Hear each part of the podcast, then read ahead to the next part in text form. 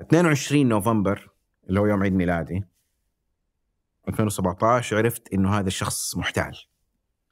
المبلغ كان كبير لدرجة يعني آه، كبير طبعا على أسرتي يعني. يعني أنا في النهاية middle class يعني ماني كم كم كان المبلغ؟ دائرتي الصغيرة تقريبا 15 مليون. إيش المصيبة اللي حطيت نفسي فيها دي؟ أصدقاء مربع الرائعين السلام عليكم. أنا حاتم النجار وهذا مربع من ثمانية. أحب الأشخاص المتنوعين. أشعر إنه أقرب للحياة الطبيعيه إن يكون عندك تجارب متنوعة تفشل في هذه وتنجح في هذه. يكون عندك اهتمامات مختلفة هوايات مهارات عمل وغيره. ضيفي أحمد مشرف كاتب له إصدارات عديدة مميزة مثل ثورة الفن وهم الإنجاز 100 تحت الصفر عبور وغيرهم. ولكن عنده جانب آخر في حياته ما قد تكلم عنه ابدا. جانب الفلوس. في الكتابة كما يقول ما تأكل عيش. فكيف هو ياكل عيش؟ تجارب عديدة دخل فيها إلى أن خسر وخسر أهله 15 مليون ريال في مشروع ضخم صارت فيه قصة عجيبة جدا. بنتكلم عن التجارب المتنوعة هذه عن قصة الخسارة وكيف أفلس تماما ثم عاد ووقف على رجله عن كيف واجه الناس اللي أخذ منهم فلوس وخسرت. تكلمنا أيضا عن الكتابة عن أهمية وجود مرشد في حياتك عن أسطورة الشغف عن مفهوم الكرف عن مواضيع كثيرة ومتنوعة جدا كتنوع ضيفنا الرهيب. أتمنى أن يعجبكم هذا اللقاء. استمتعوا يا رفاق. دائما الشخص اللي يكون عنده تنوع في حياته سبع صنايع والبخت ضايع. احس إنه عندك هذا التنوع إنك كل شوي تجرب هنا وتجرب هنا وتجرب هنا وتجرب هنا. آه، هل تحس إنه البخت ضايع؟ البخت مو ضايع بس البخت يعطي دروس. إذا كان ضايع كنتيجة فهو ضايع كنتيجة لكن استبدلت النتيجة بالخبرة إن صح التعبير. وبالفعل يعني أنا ما كنت أتوقع في يوم من الأيام في حياتي على سبيل المثال إنه أنا ممكن أجرب بختي في الكتابة واكتشف إنه الكتابة على سبيل المثال يعني هي الشيء اللي أنا أبغى يعني أمضي جزء كبير من حياتي فيه نفس الشيء على البزنسز يعني أنا الآن شغال في قطاع. أنا لم أكن أتخيل نفسي في يوم من الأيام إن أنا شغال فيه ولا مو لما أتخيل نفسي إن أنا كمان أحبه يعني. فالبخت ما هو ضايع. البخت آه، السبع صنايع ببختها الضايع توصلك للنتيجة اللي أنت تبغى توصل لها يعني فيما بعد أو تعتقد أنها هي النتيجة اللي ممكن تكمل بقية حياتك فيها يعني. الكتابة دخلت متأخر عندك؟ إيه. مع أنه الآن أي أحد يعرفك يعرف الكتابة يعرف أنه هذا الإنسان كاتب. دخلت متأخر نسبيا بس ما هي متأخر مرة. يعني مارس 2013 إحنا الحين في شهر مارس 2023 كانت أول بداية منتظمة. ودخلت بسبب إنه أنا إنسان أحب القراءة. حكيت القصة دي قبل كده إنه في ذيك الفترة في 2013 كنت شريك في business ال business ده لأسباب يطول شرحها فضيت الشراكة.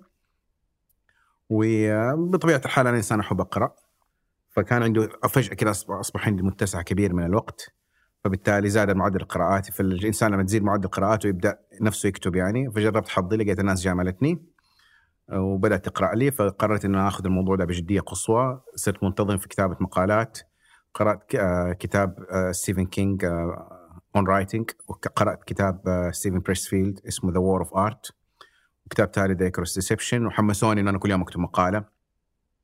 فحاولت إن أنا أنضبط أكتب كل يوم مقالة باستثناء الإجازات الرسمية واستثناء ال weekend فاللي حصل طبعا إنه لقيت الناس بدأوا يشتركوا بدأوا يعني يعطوني نوع من التقدير ومن المجاملة.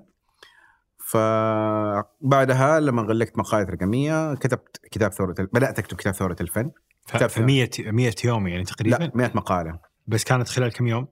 غير الإجازة. سنه بس يعني لو دخلت فيها إجازة الصيف وإجازة الحج وإجازة يعني بس نقول خلال خلال سنة. فلما وصلت مقالتي الرقميه تقريبا قررت إن أنا أخذ المشروع ده إلى مستوى جديد. فكتبت ثورة الفن وكتبت معاها 200 مقالة مع بعض. ف 2014 انتهيت من كتاب ثورة الفن وكلمني الصديق العزيز بندر مطلق. مسيه بالخير. فقال إحنا عندنا TED Talk TEDx وقتها. تعال شاركنا شايفك بتكتب أكيد عندك سالفة يعني. والله يديه العافية أعطاني spot 10 دقائق. فطلعت اتكلمت ووقتها في كان آه، من ضمن الاتفاق اللي حصل بيننا انه إحنا نبيع عدد النسخ اللي كانت أول طبعه لكتاب ثورة الفن. فاشتروها كل الحضور آه، أو أعتقد وزعت مجانا ماني فاكر الكلام ده قبل 10 سنين يعني تقريبا. آه المهم ألف نسخة توزعت كلها. وبعد ما توزعت كلها بدأت تجيني الإيميلات. قرأنا الكتاب شكرا جزيلا حياتنا بدأت تتغير. فبعد الإيميلات حسيت بشعور جاني غريب. يعني أنا ما كنت أعرف إنه تأثير ال... يعني تأثير الكلمة المكتوبة على الناس كيف حيكون تأثيرها علي. يعني كان مرة إحساس غريب بالنسبة لي إنه أنا أجي فجأة ألاقي إيميل جاني ولا رسالة على الخاص إنه جزاك الله خير قرأنا الكتاب حياتنا تغيرت أو جزء منها تغير. وكنت يعني أحسهم غلطانين. شكلهم بيرسلوا لأحد ثاني بس جاتني أنا الرسالة يعني. فلما بدأت ألاحظ إنه في تأثير حقيقي قررت إنه أنا أخلي الكتابة جزء لا يتجزأ من حياتي. ومن هنا بدأت الرحلة خلينا نقول بشكل منتظم يعني. أعتقد وقتها كان عمري 26 أو 27 سنة. بفضل الله كتاب ثورة الفن أعتقد إلى الآن ما شاء الله يعني في السوق وببيع. أنا حقيقة شوية تجاوزته. بس الناس ما تجاوزته. فبس يعني هذه كانت بداية بداية الرحلة يعني. هل يزعجك إنه يعني اشعر كتاب ثورة الفن كأنه صار قالب أحمد مشرف موجود فيه؟ أنا يعني في البداية كان يزعجني بس بعد كذا صار عندي تصالح مع الموضوع ده لأنه في النهاية يعني شوي أنا افتكرت قصة حقيقة كونان دويل أرثر كونان دويل لما بدأ يغير من شيرلوك هولمز. ولدرجة انه هو في اخر جزء من من هذا كاتب كاتب. كاتب أرثر كونان دويل اللي كتب رواية شيرلوك آه هولمز. فكاتب الشخصية بدأ يغير من الشخصيه بدأ يغير من الشخصيه لدرجة إنه قتلوا في الأحداث. الناس راحت له البيت. قالوا له مو على كيفك يعني. لازم ترجعه. فسوى حركة كده خنفشارية ورجع الشخصية على أرض الواقع ثاني مرة. واعترف أعتقد في أكثر من موضع في مذكراته إنه هو يعني كان يغ... يعني يغير من من الشخصية هذه. من الشخصية اللي هو هو اختلقها يعني. وثورة الفن يعني لحد طبعا أنا ما عندي كتب خيالية إلى الآن على الأقل ثورة الفن يعني أنا أولا ما زلت مؤمن بالمحتوى حقه إنه أنا مثلا أشجع الناس إنه لازم يكون عندهم روتين، أشجع الناس إنه الغزارة أهم من الجودة، أشجع الناس إنه عشر ساعات عمل هي التي سوف تغير من آه من يعني تجعلك تنمو في فنك أو عملك أيا كان.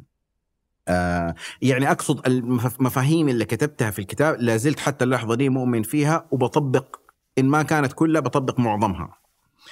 لكن الناس يعني خصوصا مثلا الناس اللي تو بدأت تقرأ الكتاب فهم بالنسبة لي المعلومه fresh فيجي يتناقشوا معايا في موضوع أنا لي 10 سنين كل مرة أرجع أتناقش فيه وأعيد وأزيد يعني الحبايب مثلا أنا فاضل في في وزارة في هيئة النشر طلبوا مني إنه مثلا أعمل ورشة عمل عن ثورة الفن في في معرض الدمام وأنا حقيقة على استحياء قلت لهم عليه يا جماعة الخير أنا آسف ما حأعمل يعني لأنه خلاص يعني تم أه تحدث عن الموضوع أكثر من مرة فاقترحت موضوع بديل وتكلمت عنه.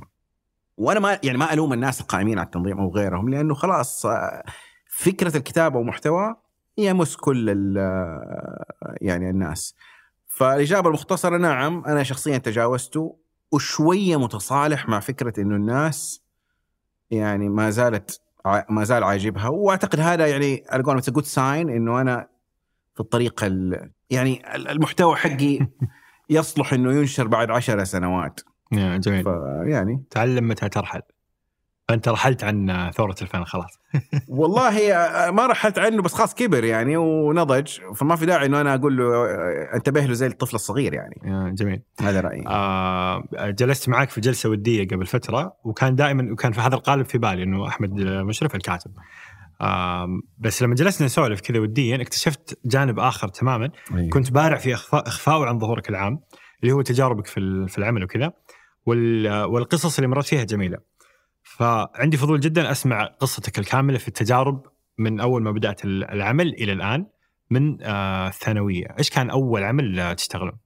قبل ما أجاوبك ابى أرجع للنقطه إنه أنا ليش بخبي الحتة دي؟ أبغى الناس تفتكرني كشخص يكتب.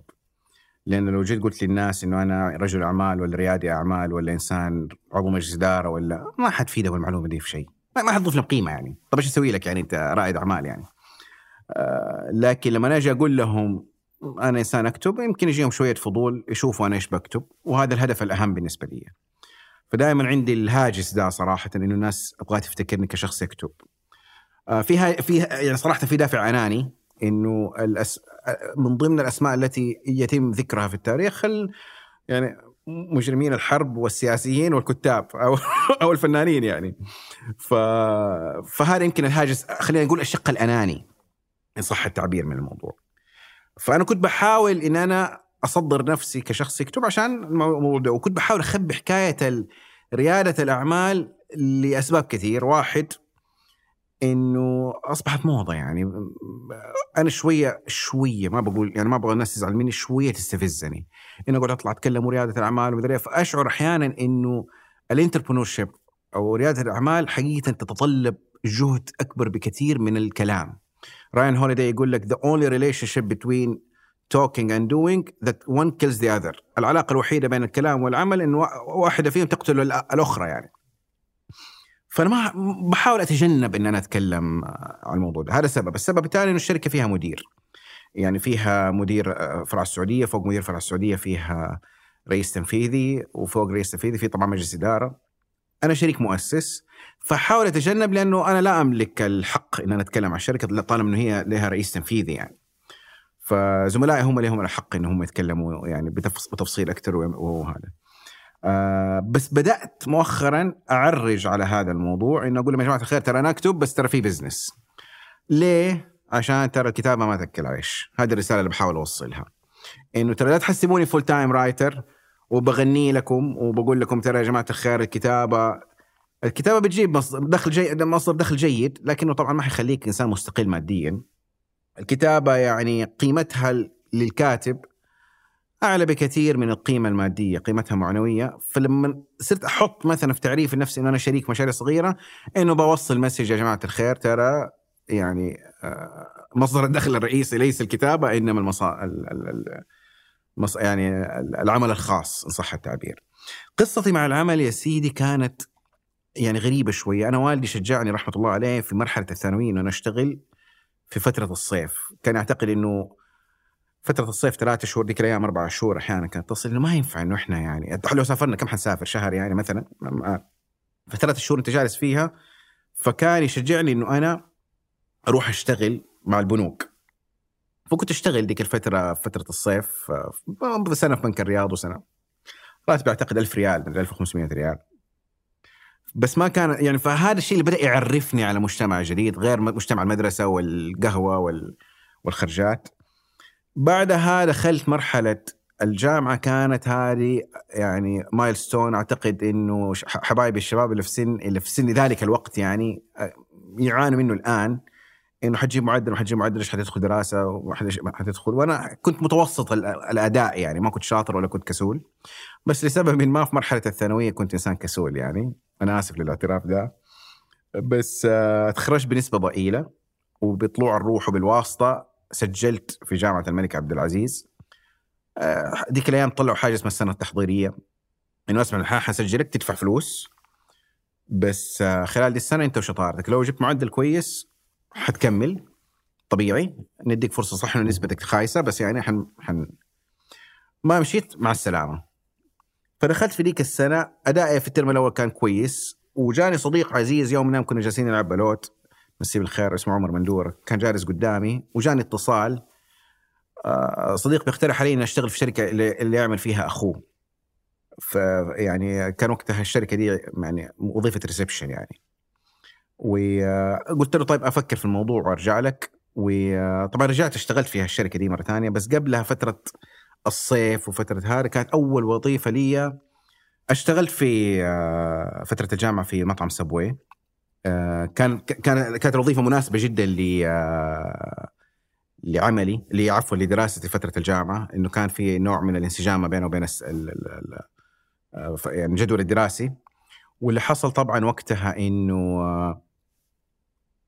الوظيفة دي علمتني مو بس إنه أنا كيف أتعامل مع الزباين إنه أنا وظيفة حياتية إنه أنا كيف أقدر أقطع الخضار وكيف يعني أبدأ أستفيد من الخبرة هذه في بيتي. آه وطبعا كان أول احتكاك لي بالزباين. فهذا أعتقد طورت الشيء الكبير في شخصيتي إنه أنا أبدأ أتعامل تدريجيا مع العملاء والزبائن اللي يدخلوا واللي يخرجوا. مريت بعدها بعدة وظائف منها أشتغلت في ريسبشن في شركة اسمها ملاك كان مديري المباشر الله يذكره بالخير الأستاذ علي شنيمر. ومدير الأستاذ أيمن جمال. بعد كده انتقلت للبنك الأهلي التجاري. آه البنك الأهلي التجاري كان آخر وظيفة لي. آه استقلت آه مطلع 2008 أعتقد. وأسست عملي الخاص الأول. بس ليش استقلت من البنك؟ استقلت من البنك الأهلي لأنه كان عندي الرغبة والطموح إنه أنا يكون عندي عملي الخاص. آه، وكان عندي مجموعة أصدقاء آه، ذيك الفترة كان صديقي العزيز ولا يزال آه، الأستاذ رامي شاكر يعني من الناس اللي حفزوني ويلا نبدأ نأسس عمل الخاص. وأسست العمل الخاص وقتها. كان شركة لها علاقة بتفصيل ثياب ونزور الناس في في البيوت يعني. هذه كانت فكرة ال business يعني أو ال business model. نروح للناس البيوت نفصل لهم ونسلمهم. هذا قبل هبة ال entrepreneur ريادة الأعمال. 2008 يعني بدايتها إن صح التعبير. آه ال business ده الفكرة كانت ممتازة. ال quality of product كان ممتاز. كانت مشكلته نقص رأس المال. يعني ما بدأنا برأس مال كفاية فبالتالي يعني على قولهم تكعبلنا بدري والمشكلة الثانية إنه أنا كنت مرة صغير. ما عندي خبرة. يعني فواحد عمره ذيك الأيام 20 سنة ولا 21 سنة تحته 14 خياط وواحد مدير operation وواحد يعني كيف حيديرهم يعني؟ وأنا أعترف الكلام ده إنه أنا يعني كنت يعني تس مو تسرعت بس أعتقد لو رجع بالزمن على ورا كنت حستوعب إن أنا ظلمت نفسي في هذا العمل الخاص بذاك العمر الصغير إنه أنا أبدأ أدخل. بس من وين جبتوا فلوس الموظفين هذول؟ أوه هذه قصة ثانية. الفلوس هذه طبعا شركائي حطوا مبلغ وعندنا عندي في مستثمر صديق عزيز حط مبلغ وأنا كنت مجمع. البنك بالمناسبة البنك, البنك الأهلي ذيك الفترة يعني رحمة الله عليه الأستاذ سامي كعكي توفى قريب. آه، من الناس اللي جلسوا معي في وقت الاستقالة. طب اني أقعد. وطب نصرف لك البونص بس أقعد. فقلت والله أنا آسف يعني. أبغى أمشي. آه كان رجل خير. آه لكن يعني على قولهم صملت واستقلت. وانصرف لي ال bonus فال bonus ده يعني كمل لي رأس المال يعني. فجات بحظها يعني. فجلس ال business عافر ثلاث سنين. يعني نحاول نخفض حطينا طب سلفنا الشركة فلوس زيادة. طب العمالة ما كانت يعني وضعهم ما هو مستقر بسبب إحنا عارفين نجدد لهم زي الاوائل فتتأخر الفيز كان في مشاكل كثير صراحة. بعدين دخلت في نوعية بزنس ثاني خلاص قفلت الشركة قررنا إنه ما تكمل يعني. طبعا جاهم مدراء بعدي ثلاثة مدراء مختلفين وما مشي الحال. بس أنا أعتقد الدرس اللي تعلمته في هذه المرحلة إنه لو كانت الفكرة ممتازة وكانت على ما يبدو ممتاز ذلك لازم يكون فيها آه، رأس المال الصح والأشخاص الصح لإدارتها. فالاثنين العنصرين دي الفكرة كانت ممتازة، ال branding كان ممتاز. الجودة المنتج كانت ممتازة بس ما في إدارة ولا في رأس مال كفاية عشان يمشي سيوله الشركة. بعدين دخلت شراكة مع أحد الأقارب في شركة آه يسموها brand activation أو يسموها below the line marketing أو تسويق ما أعرف إيش ترجمته الحرفيه بس نوع من أنواع التسويق.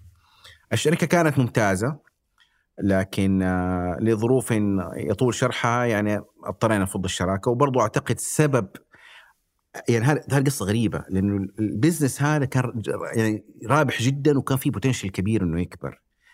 اللي في رأيي الشخصي خلاه ينتهي حقيقة نقص نقص خبرة. وأنا أتحمل مسؤولية نقص الخبرة هذا أيضا لأنه مثلا ذيك الأيام مسي بالخير يعني آه، شريكي في ذلك الوقت يعني كان بيأدي عمله وأنا كنت بأدي عملي بس عشان صغر السن وعشان نقص الخبرة في أمور نقص خبره أحيانا أشعر كذا يا سيدي إنه يخليك تعلق في الأمور البسيطة والتافهة فاهم علي؟ ما يعني دائما تسمع كلمة إنه الانسان كبر يكبر كبر رأسه وكبر راسه أنا أعتقد حكاية تكبير الرأس هذه جزء من هي بالبلد الخبرة يعني إنك أنت تبدأ ما تركز على الأشياء الصغيرة ما تركز من المدير اللي لازم يكون عنده المنصب ما تركز على على لا تركز على أساسيات العمل. فال business كان ربحان بس الشراكة كانت ما هي عكس ال business الأول ها؟ يعني ربحان بس الشراكة ما كانت. بس يعني كان في دخل هل دخلتوا فلوس؟ طبعا. zero راس مال كان. بدانا بالعكس. أول عميل جانا دفع لنا الدفعة الأولى اشتغلنا له كان عندنا بس presentation واحد PDF file سويناه وبدأنا نرسله للعملاء. وعلى حسه جانا أول مشروع. والمشروع الأول اخذنا الدفعة الأولى، الدفعة الأولى كانت هي الكوست حق المشروع، الدفعة الثانية زادت منها 20000 ريال، استاجرنا مكتب، المشروع الثاني وهكذا. المشروع الثاني فرشنا المكتب المشروع الثاني بدأنا نوظف ما عدت سنة إلا إحنا شركة متكاملة ها؟ فأعتقد إن كانت قصة نجاح رهيبة يعني. و... واخذنا الثقه بسرعة يعني من من عملائنا وكانوا مبسوطين في شغلنا وكذا آه فانا كان الدرس رقم اثنين اللي أنا تعلمته إنك أنت تقدر تأسس عمل خاص من غير رأس مال يعني. مو شرط بنفس الطريقة بنفس الموديل بس بشكل عام إذا كانت ال ال ال النية والإقدام موجود يقدر الإنسان يتحرك يعني. يعني. واصلا حتلاقي ناس تجيك بعد فتره أنت لو نجحت بس شوية حتلاقي ألف واحد يجيك يقول لك طب يا أبوي أنا بخش معك أستثمر أنا أبغى. وهذا الشيء حصل يعني في, في ذلك البزنس تحديدا. بس هذه قصة أخرى يطول شرحها. فاضطرينا نفض الشراكة بسبب اختلافات أنا أقول أقول عنها طفولية من ناحيتي يعني إنه لا بس إحنا ما يعني للأسف جزء كبير منها حساس بس آه، يعني هذا باختصار يعني آه، اللي حصل. طبعا بعدها بدأت في business مختلفة يعني دخلت أسست آه، برضو business عن شفت هذه الفترة كلها في بداية العشرينات من عمري. أسست business علاقات عامة public relation public relations agency وكالة علاقات عامة. وكنا بنشتغل على مشاريع high profile حتى على مستوى الدولة مستوى المنطقة عفوا إن صح التعبير. وصارت برضو مجموعة من من الظروف آه، خلتنا نفض الشراكة عام 2013 وخليني أقول لك هذا أول milestone في حياتي إنه اتقفلت تفضت شراكة شركة العلاقات العامة واكتشفت في ذلك العام بالتحديد تحولت من إنسان شديد الانشغال في ال business وبحاول يعافر ويشتغل ومسكنا ذيك الأيام مشاريع حساسة حقيقة يعني تطوير أحياء عشوائية ما كنا ماسكين العلاقات العامة فيها أشياء متعلقة يعني آه، في بعض للاسف سري ما أقدر أتكلم عنه لكن الشاهد إنه إحنا اضطرينا نعمل shut down لل business. فانتقلت أنا كشخص كأحمد من مرحلة شديدة الانشغال في حياتي في وبجري في ال business في يوم وليلة أصبحت إنسان فاضي. ما عندي شيء لأنه خلاص تفضلت الشراكة وما في شيء أسويه. فهنا جات فترة اكتشاف موضوع الكتابة. لأنك زاد معدل القراءة. آه، جالس فاضي يعني. يعني الإنسان بيحاول يشغل نفسه. بس ليش في مع الفشل هذا المتكرر؟ ما قلت بروح أتوظف؟ والله يعني أكثر من سبب. السبب رقم واحد إن أنا اعتدت على نمط الحياة هذه ففيها نوع من آه، أنا كنت أشوف في ذلك الوقت أنا طبعا ماني ضد الوظيفة إلى الآن يعني كمبدأ بالعكس يعني في ناس كثير ينمو ويكبروا. بس في ذلك الوقت في ذلك السن كنت أعتقد إنه الفشل بالنسبة لي إن أنا أروح أتوظف. طبعا كلام فارغ يعني ما في إنك أنت تروح تتوظف يعني بس قررت إني أعطي نفسي فرصة. الشيء الثاني إنه يمكن هذا شوي شيء غريب يعني. الشيء الثاني انه إنه أنا زوجتي كانت موظفة فكانت شايلة يعني أعباء و risk نمط الحياة اللي أنا أخذته لنفسي. وبالمناسبة قد يكون الموضوع ده شوية فيه نوع من, ال... من يعني يمكن الناس تزعل مني لما أقول الكلام ده. لو أنت إنسان فنان artist أو أنت إنسان رائد أعمال نمط حياتك طالع نازل طالع نازل سنين عندها فلوس عندك فلوس سنين حاول ترتبط مع إنسان عنده دخل مستقر في بداية حياتك. مو عيب. أنا هذا رأيي يعني. لأنه ما ينفع فنان يرتبط بفنانة. ما ينفع رائد أعمال يرتبط برائدة أعمال. حتصير الحياة إدارة هموم كيف ندفع الفواتير أكثر من هموم التركيز على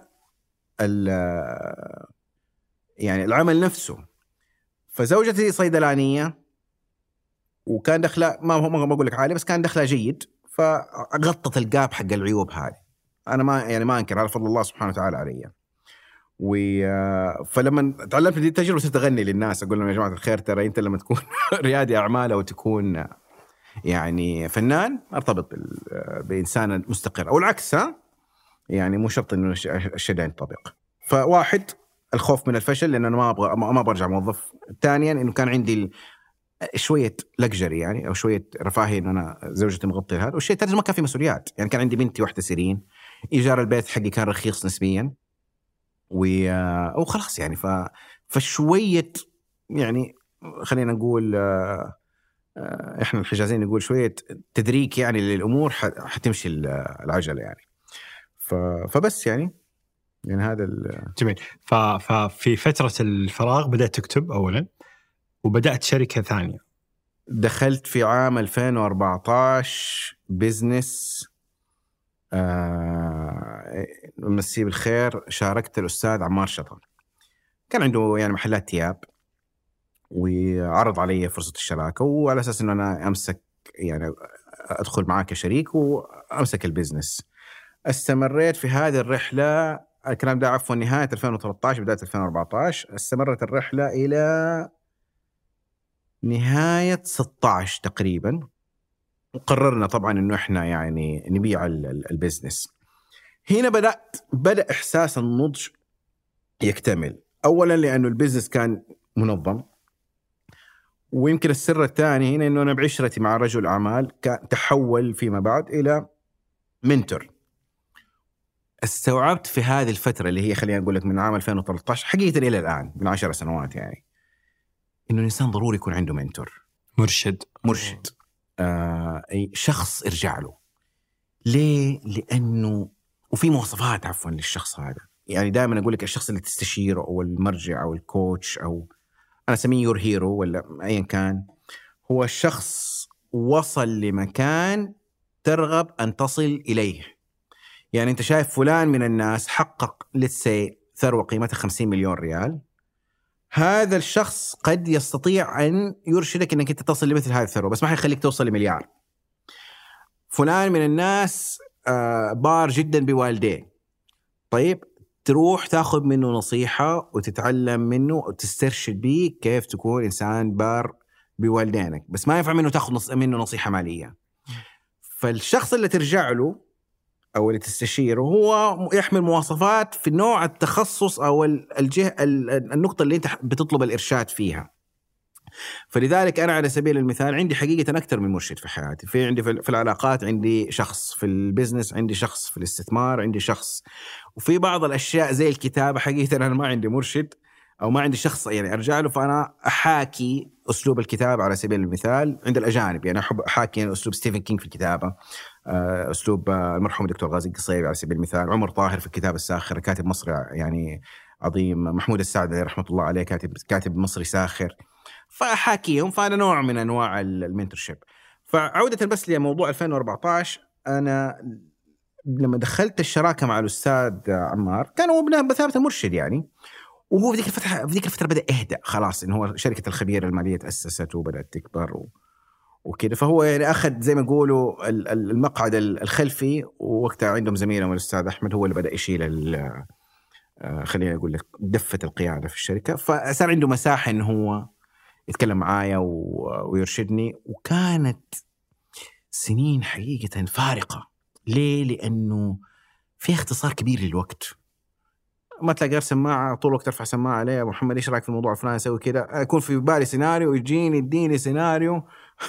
ما له أي علاقة بال بالسيناريو اللي كان في في بالي. فأجي أسأله ليش بتسوي كذا؟ يا ابني جربتها في السنة الفلانية مع الموظف الفلاني في الشركة الفلانية وكانت النتيجة كذا. فالمرشد يختصر لك يختصر لك عفوا الطريق يعني.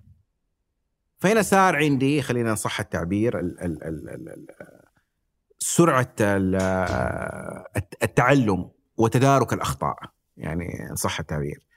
آه بعد في, في ذيك الأثناء يعني ما بين 16 إلى 18 دخلت في business هذا كان أكبر آه ربما تكاد تكون من أكبر المصائب في حياتي. آه دخلت في business عبارة عن استثمار في الفضة مع أحد الشركاء. قصة طويلة لكن خلاصتها إنه آه يعني أنا وأهلي وأصدقائي وعندي مجموعة من أنت جمعت فلوس من أهلك؟ أنا ما جمعت. ها. أنا كنت حاطط فلوسي مع هذا الآدمي وشجعت يعني عائلتي وأصدقائي. يعني جاك واحد بس وصف لي لأنه مرت من القصة هذه. جاك واحد عنده بزنس آه، فضة. صاحبنا. صاحبكم. طيب إيه حكيني حكيني من البداية إيش اللي صار؟ هذا واحد صاحبنا بيشتغل في مجال الفضة. يعني باختصار طبعا بيتاجر فيها بيشتري فضة بال بالجملة وبيبيعها بالقطاعي. والبزنس على كان على ما يبدو كان مر يعني مربح جدا.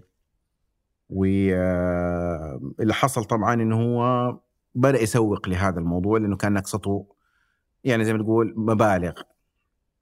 إنه هذا فدخلنا معاه إحنا شراكة. آه، أنا ومجموعة من الأصدقاء. وطبعا أنا ما دخلت يعني دخلت بفلوس بس معي في ظهري عيلتي فهمت علي؟ أسرتي آه، بس باسمي يعني في النهاية وكذا. و آه، أنا بصراحة ما بدخل في تفاصيل القصة دي لأنها يعني ما لها داعي خليني أدخل بالدرس اللي فيها. آه باختصار هذا الشخص طلع نصاب وشرد برا البلد وأخذ الفلوس أخذ الفلوس أو فرتكها أو ضيعها ما يعني مو هنا لا بس ما ضاعت الفلوس آه 22 نوفمبر اللي هو يوم عيد ميلادي 2017 عرفت إنه هذا الشخص محتال وقد يكون محتال قد يكون سوء عنده يملك سوء إدارة في استخدام المال الله أعلم بس أنا خلينا أفترض إنه هو يعني سوء إدارة يعني خلينا إلى اللحظة دي أقدم حسن نيه سوء إدارة للمال وضيع الفلوس كلها. المبلغ كان كبير لدرجة يعني آه، كبير طبعا على أسرتي يعني. يعني أنا في النهاية middle class يعني ماني كم كم كان المبلغ؟ دائرتي الصغيرة تقريبا 15 مليون. ما أعرف إيش في العالم الآخر هو إيش مسوي مع الناس الثانيين.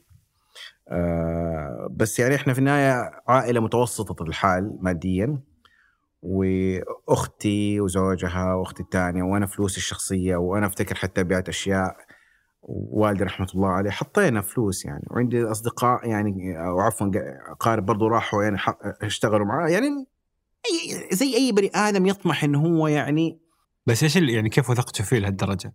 هذا قصة ثانية لدرجة يعني هذا الموضوع الثقة ده كان يعني يعني موضوعه معقد ليه؟ لأنه أنا من الناس أنا شخصيا كنت من الناس اللي أطلع طبعا هو كان البزنس حقه في في مكان برا السعودية كان في في, في تركيا يعني في أسطنبول أنا كنت كل شهر ولا كل شهرين أطلع أروح أشيك على المصنع اللي بصنع الفوطه وكنت أشوف العمل وكنت شايف قديش حجم الطلب كنوع من الاطمئنان.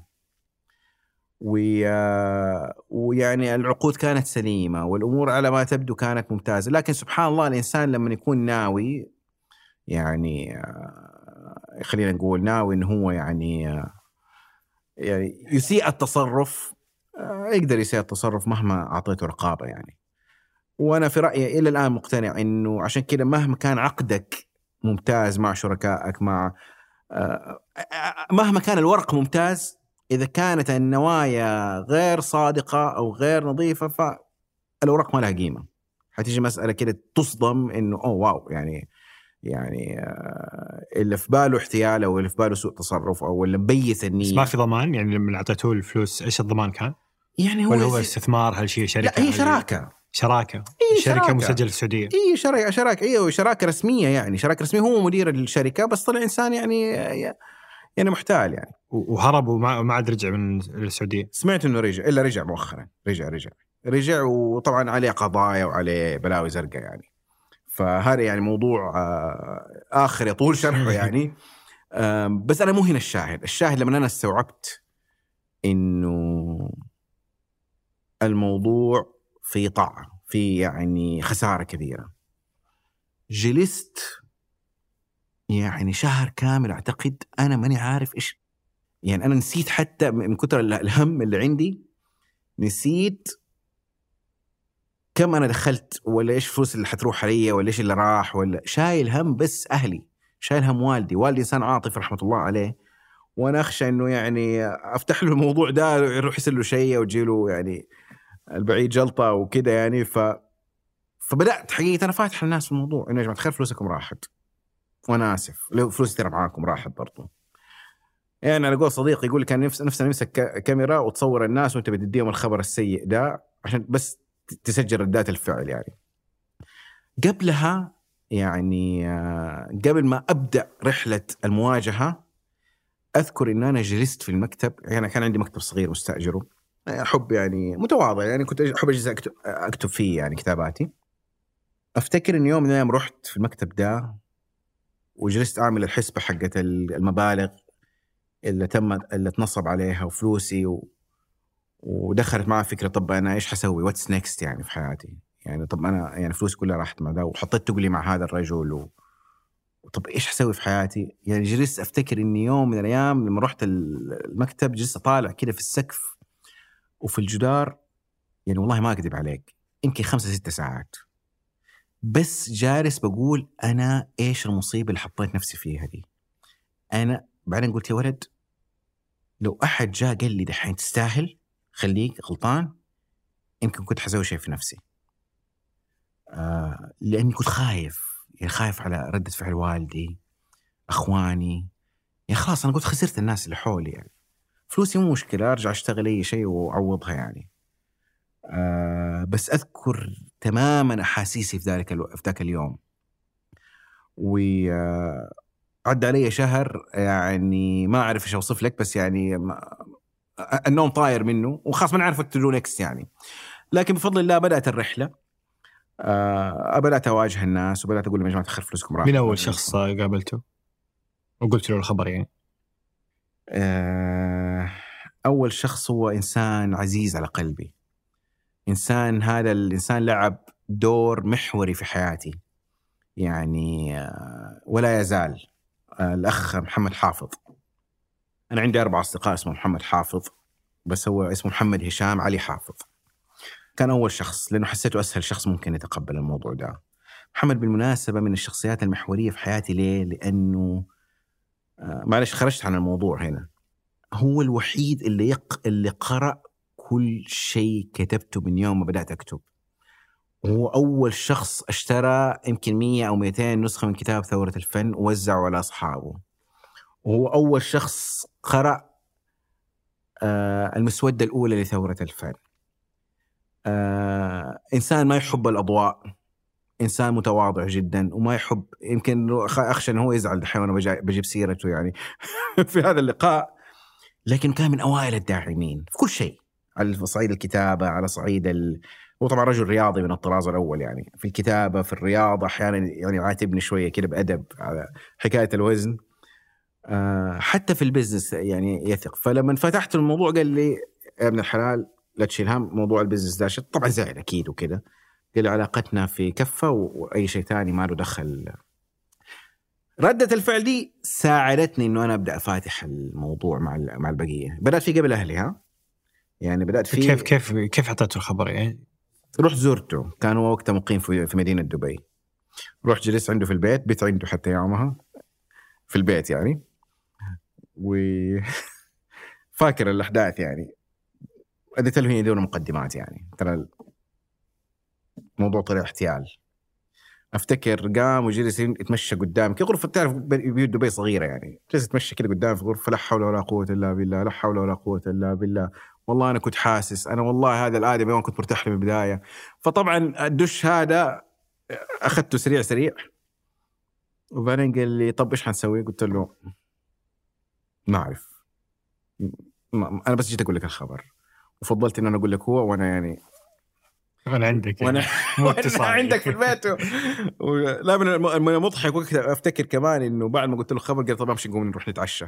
فعزمني على العشاء. أفتكر هو اللي عزمني على العشاء يعني. تعرف إنه الناس سبحان الله أحيانا في الأزمات تطلع يطلع معدنها ويطلع أفضل ما فيها. يعني جزاه الله خير يعني. فكان هو أول شخص بدات فيه قبل أهلي. بعد كده طبعا بدات في إخواتي لأنه ردة الفعل حتكون عاطفية جدا بس ما حتكون قاسية. وبعد ما بدأت يعني يعني أتكلم مع أخواتي. طبعا يعني ما أعرف إيش أقول لك يعني. المشكلة الحين أنت بتجيب لي موضوع يعني في قمة الحساسية. بس بحاول إنه أنا يعني زي ما وعدتك ان أنا أكون صادق يعني. أنا آسف بس. قل. بعد تكلمت مع والدي. والدي ما كان مصدق. والدي إلين ما توفى ما كان مصدق. الله والدي يعني قبل ما يموت بأيام افتكر الموضوع. ما أدري مسكين يعني. أظن شايل هم التبع اللي وراه. رحمة الله عليه وقال لي أنا ماني مسامحه و...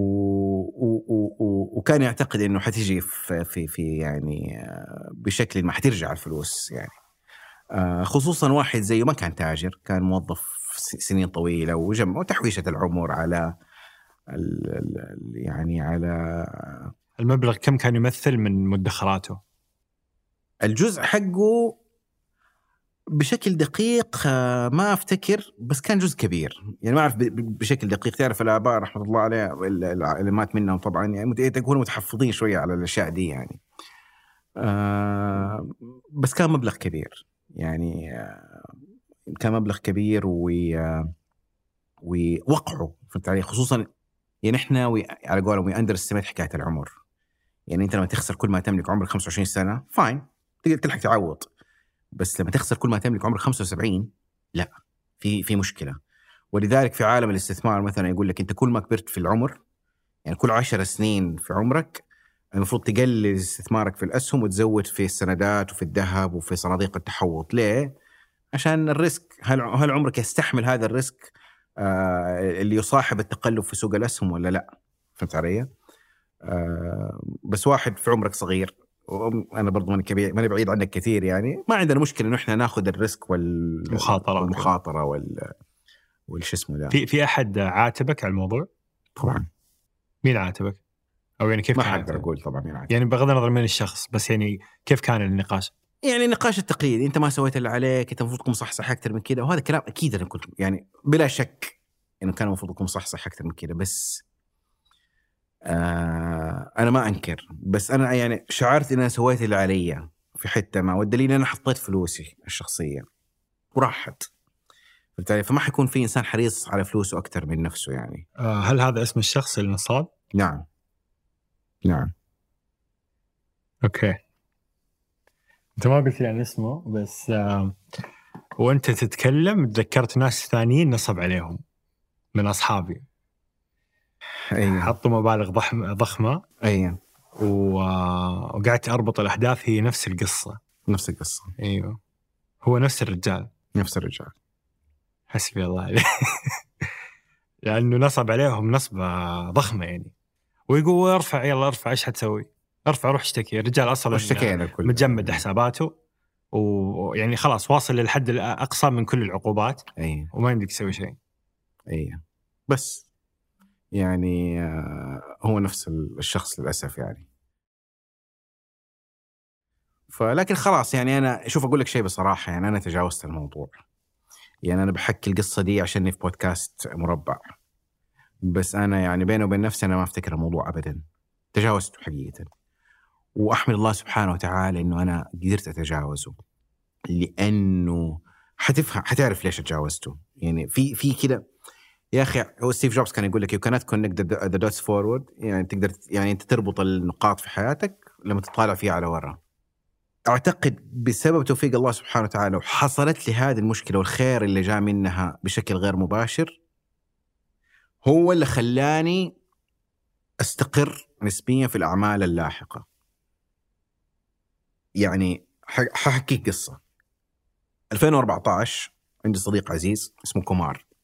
أرسل لي رسالة وسوى لي دعوة قال لي تعال عندنا سلطنة عمان، هو هندي بس مقيم في سلطنة عمان. قال لي تعال يا أبوي إحنا عندنا مجال business اسمه logistics نبي ندخل السوق السعودي. قلت له طيب okay إيش المطلوب؟ قال لي أبغاك تساعدنا.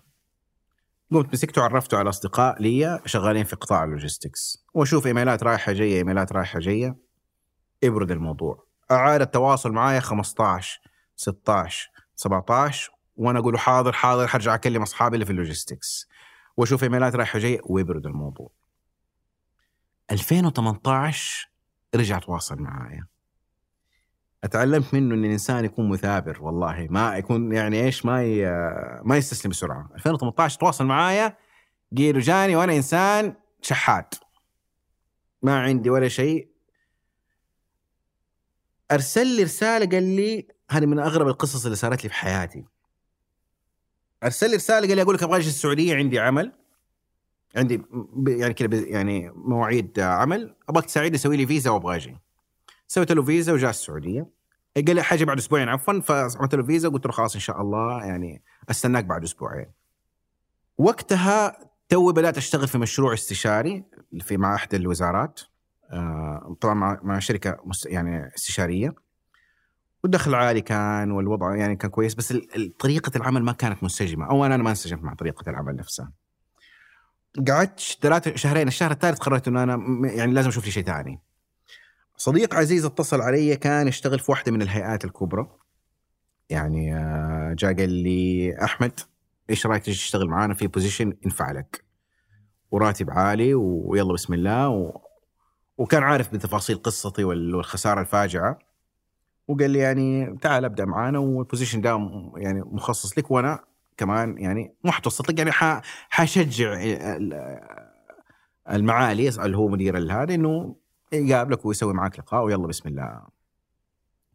والله رحت عملت ال interview آه وتناقشنا على الراتب وتناقشنا على المهام وتنا... كل شيء تناقشنا عليه. أفتكر يوم في الرياض خرجت من الاجتماع أخذت شنطتي طلعت الطيارة وأنا في الطيارة افتكرت إنه صديقي كومار جاي اليوم لجدة. نسيت الموضوع ده. ففتحت الواتساب بشوفه ها hi how are you أنت فين؟ قال لي أنا طالع المطار و I have a surprise for you إيش ال surprise؟ عندي لك مفاجأة. عندي لك مفاجأة. لما نوصل أوريك هي. قلت له طيب. وصلت جدة. ح- جاء سو... سواق البيت سواق والدتي أخذني وحطيت هذا أخذت سيارتي طلعت المطار على أساس استقبله. طبعا كومار هذا رجل يعني ما شاء الله ابن عائلة يعني مرتاح ماديا ومن النوع اللي يحب كذا تشيك يعني. تلاقي لابس الجاكيت ال- البليزر وال... والساعة الكشخة والحزام.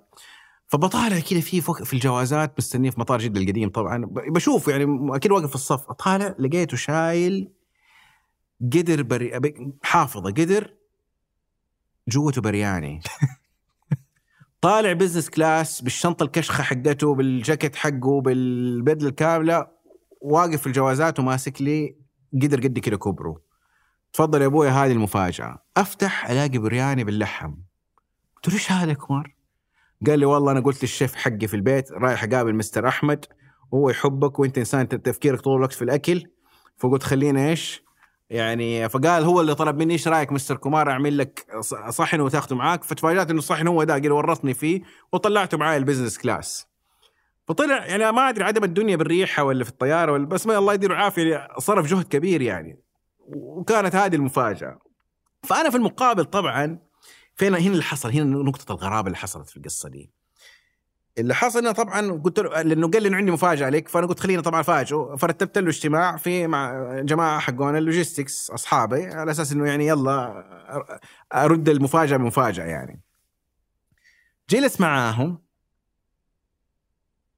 حسيت الاجتماع كذا كروته على قول أهل الحجاز اللي هو يعني كذا ما أعرف إيش يقولوا بس اللي هو يعني تسليك يعني. سلك في الاجتماع. ما كان ما اعطى له كذا حقه يعني. خرجنا وبعدين جاء هو إنسان مرة مشغول فجاء قال لي فين حنتعشى اليوم؟ قلت له والله فين تبي تتعشى؟ قال لي أنا أول مرة أوصل جدة قلت له طب اليوم حوديك البيك وديت وديته البيك ثاني يوم صحي الصباح طب فين حنروح اليوم؟ فايش قلت ربي هذا يعني إيش بني آدم مشغول وعنده اجتماعات فين نتغدى فين نتعشى فين نتغدى فين نتعشى فاضي يعني ماني فاكر رحت. المهم رحنا تغدينا في مكان بعدين قال لي أنا ترى ما أقدر أكثر من ثلاث وجبات ورا بعض غير الأكل الهندي أبغى أكل وديته الله يسعده في المهم تغدينا ما أدري تعشينا أكل هندي يا عمر بعدين فجأة جاء قال لي يا أخي ما عندك مكتب؟ قلت له عندي مكتب صغير أكتب فيه. قال لي أبغى أتكلم معك في موضوع خلينا نروح المكتب. رحت معاه المكتب جاء قال لي أنا ما عندي لا بزنس ولا عندي اجتماعات ولا عندي أي شيء. أنا جاي هنا عشانك. قلت له طيب. قال لي يا أخي أنا لي أربع سنين.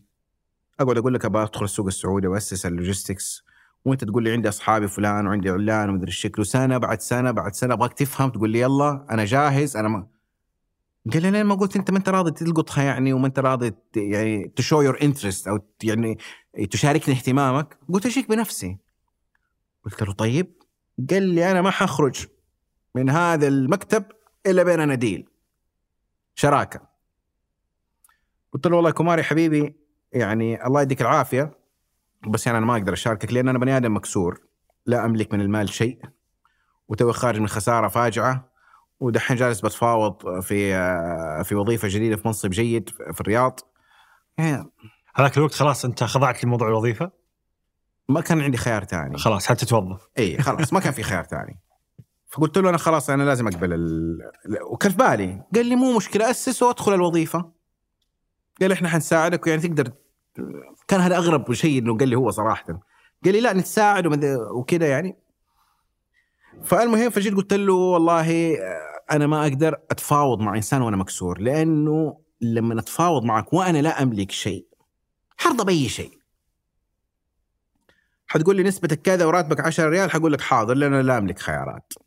قال لي ابدا أنا ما حستغل الموضوع ده حط الحصة اللي أنت تبغاها وحط الراتب اللي تبغاه ونبدأ من هناك التفاوض. حطيت النسبة اللي أنا أبغاها حطيت الراتب اللي أبغاه. قال لي لا معلش الراتب كثير ما يصير يعني لأنه إحنا تونا شركة بداية نصه.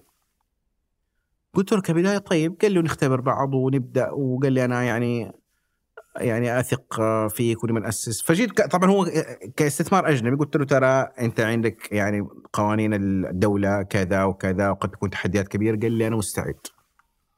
ونبغى نكون نظاميين 100% ونبغى نبدأ يعني بالشكل ال... قلت له طيب. وتصافحت الأيادي وعندي صورة حتى لو هو واقف بيشرح لي على نموذج العمل لأنه أنا ما لا أفقه شيء في ال logistics يعني اللي هو المجال ال- ال- كان مجال الشركة دي. فجأة لقيت الاتصالات انهارت طلع انه وراه جيش مستنين الاجتماع ده. كلمني ابوه كلمني مدير عام الشركة وكلمني مدري إيش كونجراتيوليشن وإحنا مستنينك ويا ألف مبروك ومدري إيه. والمهم وقررنا نبدأ مراحل التأسيس. استغرق الموضوع مننا بالمناسبة في الكلام ده في 2018 عفوا 19 من 1 يناير الين شهر 7 عشان ناسس الشركة كاستثمار أجنبي، الآن سمعت هيئة وزارة الاستثمار ما شاء الله تطوروا انك أنت في ثلاثة أيام ولا أربع أيام تقدر يعني آه، يعني التطور عندنا سريع ما شاء الله في هذا الموضوع. ووظيفة المستشار موجودة ولا تركتها؟ وظيفة المستشار زي ما قلت لك أنا كنت تفاوضت عليها في ال weekend ورجعت على جدة على أساس أقابل الكبار. فالكبار حصلت في ال weekend هذا حصلت ال deal. إنه أنا قلت له طب يلا خلاص نأسس شركة وبسم الله ونبدأ. أفتكرت طبعا هنا نقطة يوم الأحد كنت لسه أنا على رأس العمل في وظيفة مستشار وبتفاوض على الوظيفة الجديدة. أفتكر يومها يوم السبت رجعت الرياض وأنا في الفندق لحالي اتصلت على محمد حافظ قلت له يا أخي الحين أنا جالس في وظيفة خاص حسيبها المستشار وجايتني وظيفة في واحدة من الهيئات براتب كبير بس يعني حتكون يعني التزام كامل وعمل يعني متطلب ودحين جاتني شراكة و... وحقيقة ماني عارف إيش أختار بعدين قلت له أقول لك شوية أكلمك المدام تتصل علي رديت قلت لي أحمد أحمد حزر إيش؟ قلت له إيش؟ قالت جاتنا بعثة أوف؟ قالت فاكرة قلت لك عنها؟ هي طبعا زوجتي موظف وزارة الصحة. قالت جات الموافقة. هوب مبروك ألف مبروك رجعت كلمت محمد. حافظ قلت له أقول لك في شيء ثالث تتحط. بعثة حتكون في شهر August. وظيفة براتب جيد. والتأسيس عمل. إيش إيش آخذ يعني؟ هنا أداني نصيحة قال لي والله ابن الحلال قرارك لكن أنا أشوف إنه أفتكر نصيا قال لي freedom is priceless أو الحرية لا تقدر بثمن. أنا أشوف إنك أنت يعني تقبل بالعمل الخاص وتعتذر بأدب عن الوظيفة وأطلع مع زوجتك وبناتك ويعني و... وفرصة في ذا العمر. بناتي صغار طبعا إنك تكون موجود معاهم في في أمريكا يعني على أساس تكمل دراسته هي كلها سنتين ماجستير يعني أقل من سنتين. فقلت له طيب حقيقة هذا اللي حصل بالملي. إنه أنا نومت موضوع ال ال ال الوظيفة الجديدة نومت موضوع المستشار. خلاص يعني تركت العمل وبدأت في حكاية تأسيس إلين سبعة شهور أخذ مني الموضوع إلين زي ما قلنا شهر أغسطس. أتأسست الشركة سجلت نفسي كموظف رقم واحد فيها. جبنا بعد كده بياع. ورقم ثلاثة كان الأخ عاصف هو اللي هو مدير فرع السعودية أو المدير التنفيذي للشركة هنا. سجل جات الفيزا بسم الله بدأنا. طلعت أمريكا وكانت من أغرب التجارب لي ليه؟ لأنه لما طلعت كانت وقتها ال e-government أو أو الحكومة الإلكترونية أصبحت ناضجة بالكامل. صارت عندك التصاديق التجاري ال- ال- التصاديق التجارية تصير اونلاين، طلبات الرخص صارت اونلاين، الحوالات البنكية اونلاين، كل ما يتعلق كان نفاذ أو أعتقد تو طالع بشكله المعروف الآن. فتجربتي أنا أقولها صدقا يعني وأنا في أمريكا ما شعرت ان أنا برا البلد. كل شيء أونلاين. وهذه قيمة حقيقة يعني آه، مفهوم الحكومة الإلكترونية. لأنه صدقا يا رجل يعني ما أعرف إيش كان حيصير. رغم ذلك أنا كنت شهرين كل شهرين كنت ثلاثة شهور يعني أنا أجي السعودية. بالمناسبة سنة 2020 من المفارقات ركبت الطيارة 14 مرة. حنتطرق لهذه القصة في وقت ثاني. سنة الكورونا. ركبت الطيارة 14 مرة. آه كل ما لما بقول للناس الكلام- المعلومة دي انصدموا يعني. فبدأت تأسيس الشركة في ذلك الوقت. الحمد لله طلعت أمريكا. أنا كنت رقم واحد موظف. رجعت سنة في في في آه، مايو 2021 الشركة فيها 16 موظف. والآن فيها تقريبا مع يعني في هذا الوقت آه، يعني تقريبا فيها 40 موظف. بدأت تشيل نفسها الشركة. وحاولت قدر المستطاع في مرحلة التأسيس ولا زلت حقيقة إني أكون اوبسست يعني أو أو مهووس بإن أنا أكون قدر المستطاع نظامي. أو يعني أوراقي سليمة. قدر المستطاع. ليه يعني رخصي آه، أوراق المحاسبية كويسة الالتزامات اللي لها علاقة بالزكاة والفات أو ضريبة القيمة المضافة علاقتنا بالتامينات الاجتماعية كلها تكون نظامية لأنه لن يتبقى لك كرائد أعمال إلا إنك أنت تجيب بزنس وترضي العملاء. وهذا الدور حقيقة زملائي بيعملوه بأفضل ما يمكن ما شاء الله تبارك الله. ويعني يعني أعتقد هو الشيء اللي خلى يعني الشركة الآن بدأت تكبر. تضاعفت مبيعاتها من عام 2019 إلى 2022 آه، أخذنا عدة وكالات لطيرانات آه، عالمية منها سنغافور طيران سنغافور وطيران عماني.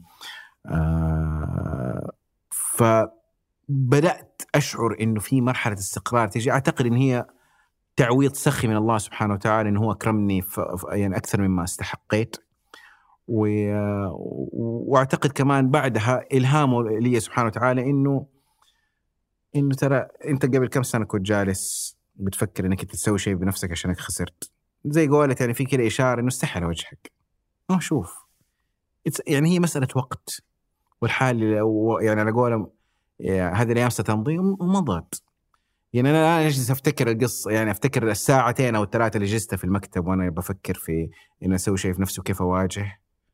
والآن أشوف نعمة الله سبحانه وتعالى إنه البزنس بدأ يكبر وبدأ في نوع من منو... من مرحلة الاستقرار. لسه ما طبعا ما صرت مليونير بس يعني يعني يعني في نوع من الاستقرار في نوع إنه بدأ الموضوع يكبر. أنا أعتقد إنه إحنا يعني بنقلل تقديرنا لنعم الله سبحانه وتعالى علينا يعني. ومو بس كذا كمان إن أنا في فترة العمل هذه اللي هي ثلاثة أو أربع سنوات عشان دائما في ذهني حكاية الكتابة. إنه أنا أبغى اجلس اكتب طب ال business اخذ كل وقتي أبغى اجلس اكتب إيش الحل إيش الحل؟ فقررت إنه من اليوم الأول إنه أي شيء أتقنه في حتى المهام البسيطة أول ما أتقنها أسلمها لأحد. هي قد تكون بشكل أناني نوع من الهروب من المسؤولية لكن بشكل مستقبلي أو على ال long term على قولهم هي إنك أنت بتعمل delegation عشان تفكر في الأشياء الأكبر. تفويض. أو هي التفويض الصلاحيات. فصارت كل ما تجيني مهام فعلا أنجزها أتعلم كيف صارت أفوضها أو أسلمها. مهمة ورا مهمة مهمة ورا مهمة. الين ما دخلت خليني أقول لك بداية 22 اكتشفت إنه أنا إنسان ما في يدي شيء من المهام إلا أشياء معقدة ويبغى لها نفس طويل. التفاوض مع البنوك التفاوض مع العملاء الكبار. آه إنك أنت يعني تركز على أشياء شوية استراتيجية تاخذ ذهن ووقت طويل بس ببطء يعني ما فيها كده ما فيها نوع اللي يسموه killing fire أو اطفاء الحرائق آه شر يعني عندي مش... الشركة فيها 40 موظف يعني فيها مدير على الشركة في تحته مدراء مناطق تحت مدراء في supervisor تحت supervisor فشغل استراتيجي بدل ما هو تكتيكي يومي مثلا. بالضبط. وبعدين بدأت أعمل حكاية اللي كنت بغني عليها من قبل عشر سنين في كتاب ثورة الفن إنه أنا يكون عندي روتين. وطلعت مقالة شهيرة الناس زعلت مني فيه. يعني يعني انشهرت إنه الناس زعلت مني فيه. إنه لا تقابل أحد في الصباح لا تقابل احدا في الصباح. وكنت بقول للناس إنه يا جماعة الخير الصباح مقدس المفروض إنك أنت يعني ما تضيع في كلام فاضي تروح تخرج تفطر ولا تقعد تروح. يعني كمان يعني. هذا وقت الوقت اللي المفروض تجلس فيه على الأشياء المهمة بالنسبة لك. حتى لو ما أنجزت شيء أنت بس اجلس كذا بهدوء. هذا الوقت هو الأكثر وأسلم وقت إنك أنت تجلس فيه بهدوء تفكر شو مستقبلك وتراجع فيه حساباتك. حتى لو كنت انت انسان أنا إنسان اجتماعي جدا. حتى لو كنت إنسان اجتماعي هذا الوقت حاول إنك أنت تحميه قدر المستطاع. ففهمت زملائي ومدير الشركة وشركائي إنه يا جماعة الخير وقت الصباح هذا لا احد يكلمني فيه. في البداية حسبوني أمزح بعدين طلع لا أنا ما بمزح. فهمت زوجتي قلت لها الله يخليكي قبل الساعة 11 ونص لا تتصل علي إلا الأشياء الضرورية. طبعا في استثناءات بطبيعة الحال. فصرت أخصص وقت الصباح بدري يعني من يوم اوصل البنات المدرسة على تقريبا الساعة 7 7 ونص ألين وقت الظهرية هذا وقت إذا ما كنت جالس أفكر فأنا غالبا جالس بكتب ومشي معايا الموضوع بفضل الله بسلاسة لأني أنا أصلا سلمت معظم المهام وصار يعني الجزء الأكبر في الصباحات خاص بال بالكتابة. تدخل الساعة 12 تنفرد عاد الاتصالات وتنفرد المهام وتبدأ اجتماعاتي إلى وقت العصرية. فشاهد إن الروتين اللي كنت بغني عليه في كتاب ثورة الفن يا جماعة الخير لازم يكون عندكم روتين. يعني صرت بحاول إن أطبقه في حياتي قدر المستطاع يعني. وبس يعني هذا ال تشعر إنه هذا يعني دائما في صعوبة الجمع بين الهواية والعمل ما تحب وما تجيد اللي يجيب فلوس اللي ما يجيب فلوس. فهل تشعر وصلت إلى الاستقرار بين إنك تكتب فما يجيب لك فلوس بس تحبه وتعمل يعني لوجستيات ما هو ما في شغف في العمل يعني. بس يأمنك ماليا؟ لا كيف ما في شغف؟ الشغف آه، شوف إحنا دائما نعلق الشغف. طب حرجع نقطة معلش قول الشغف أنا من الناس اللي أشوف إنه إحنا بنعطيه أكبر من قدره. الشغف وسيلة وليس غاية. أنت ما ينفع تقول لي أنا بشتغل شيء هو شغفي لأنك أنت بتضحك على نفسك. وإذا أنت إنسان جلست تسوي وتشتغل طول الوقت فيما تعتقد إنه هو شغفك أو جلست تشتغل في الأشياء اللي أنت تحبها فقط حينتهي بك الأمر إنك أنت تصبح إنسان فاشل. هذا رأيي الشخصي. لأنه نفترض إنه الطب شغفك أوكي؟ أنت في يومك العملي في الطب في عدة مهام ما لها علاقة بالطب. ترفع تقارير وتتعامل مع قسم الشؤون الإدارية وتتعامل مع مرضى يعني لا مؤاخذه قد يكون دمهم ثقيل وتت... في عندك حزمة كبيرة من التعاملات ليس لها علاقة في وقت الجراحة اللي انت بتسوي فيها أو بتضمت فيه. فالشغف أنا أعتبرها أسطورة أو خلينا نقول it's على قول الأجانب يعني أو شيء يعني okay المجال بشكل عام قد يكون آه، شو اسمه هذا يعني هو مثل شغفي كوصف لكنه لي أعتبر وسيلة وليس الغاية. كال نيوبورت عنده في كتابه سو جود ذي كانت اجنور يو يعني رأي في ذا الموضوع يقول لك الشغف يزرع أو يبدأ بناؤه فيك إذا تحطيت في البيئة المناسبة، يعني أنت لو اشتغلت على سبيل المثال في شركة تصنع مواسير. شركة تصنع قهوة. أكواب.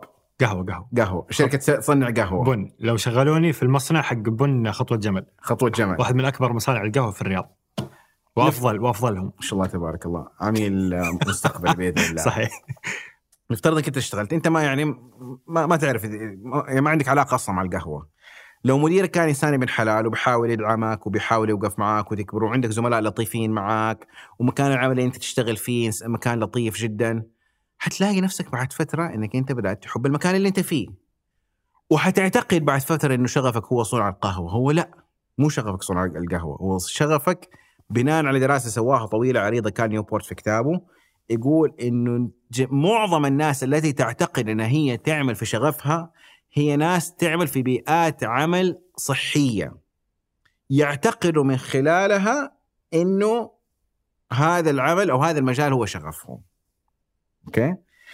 فأنا ال logistics ما هو شغفي بالمعنى الدارج.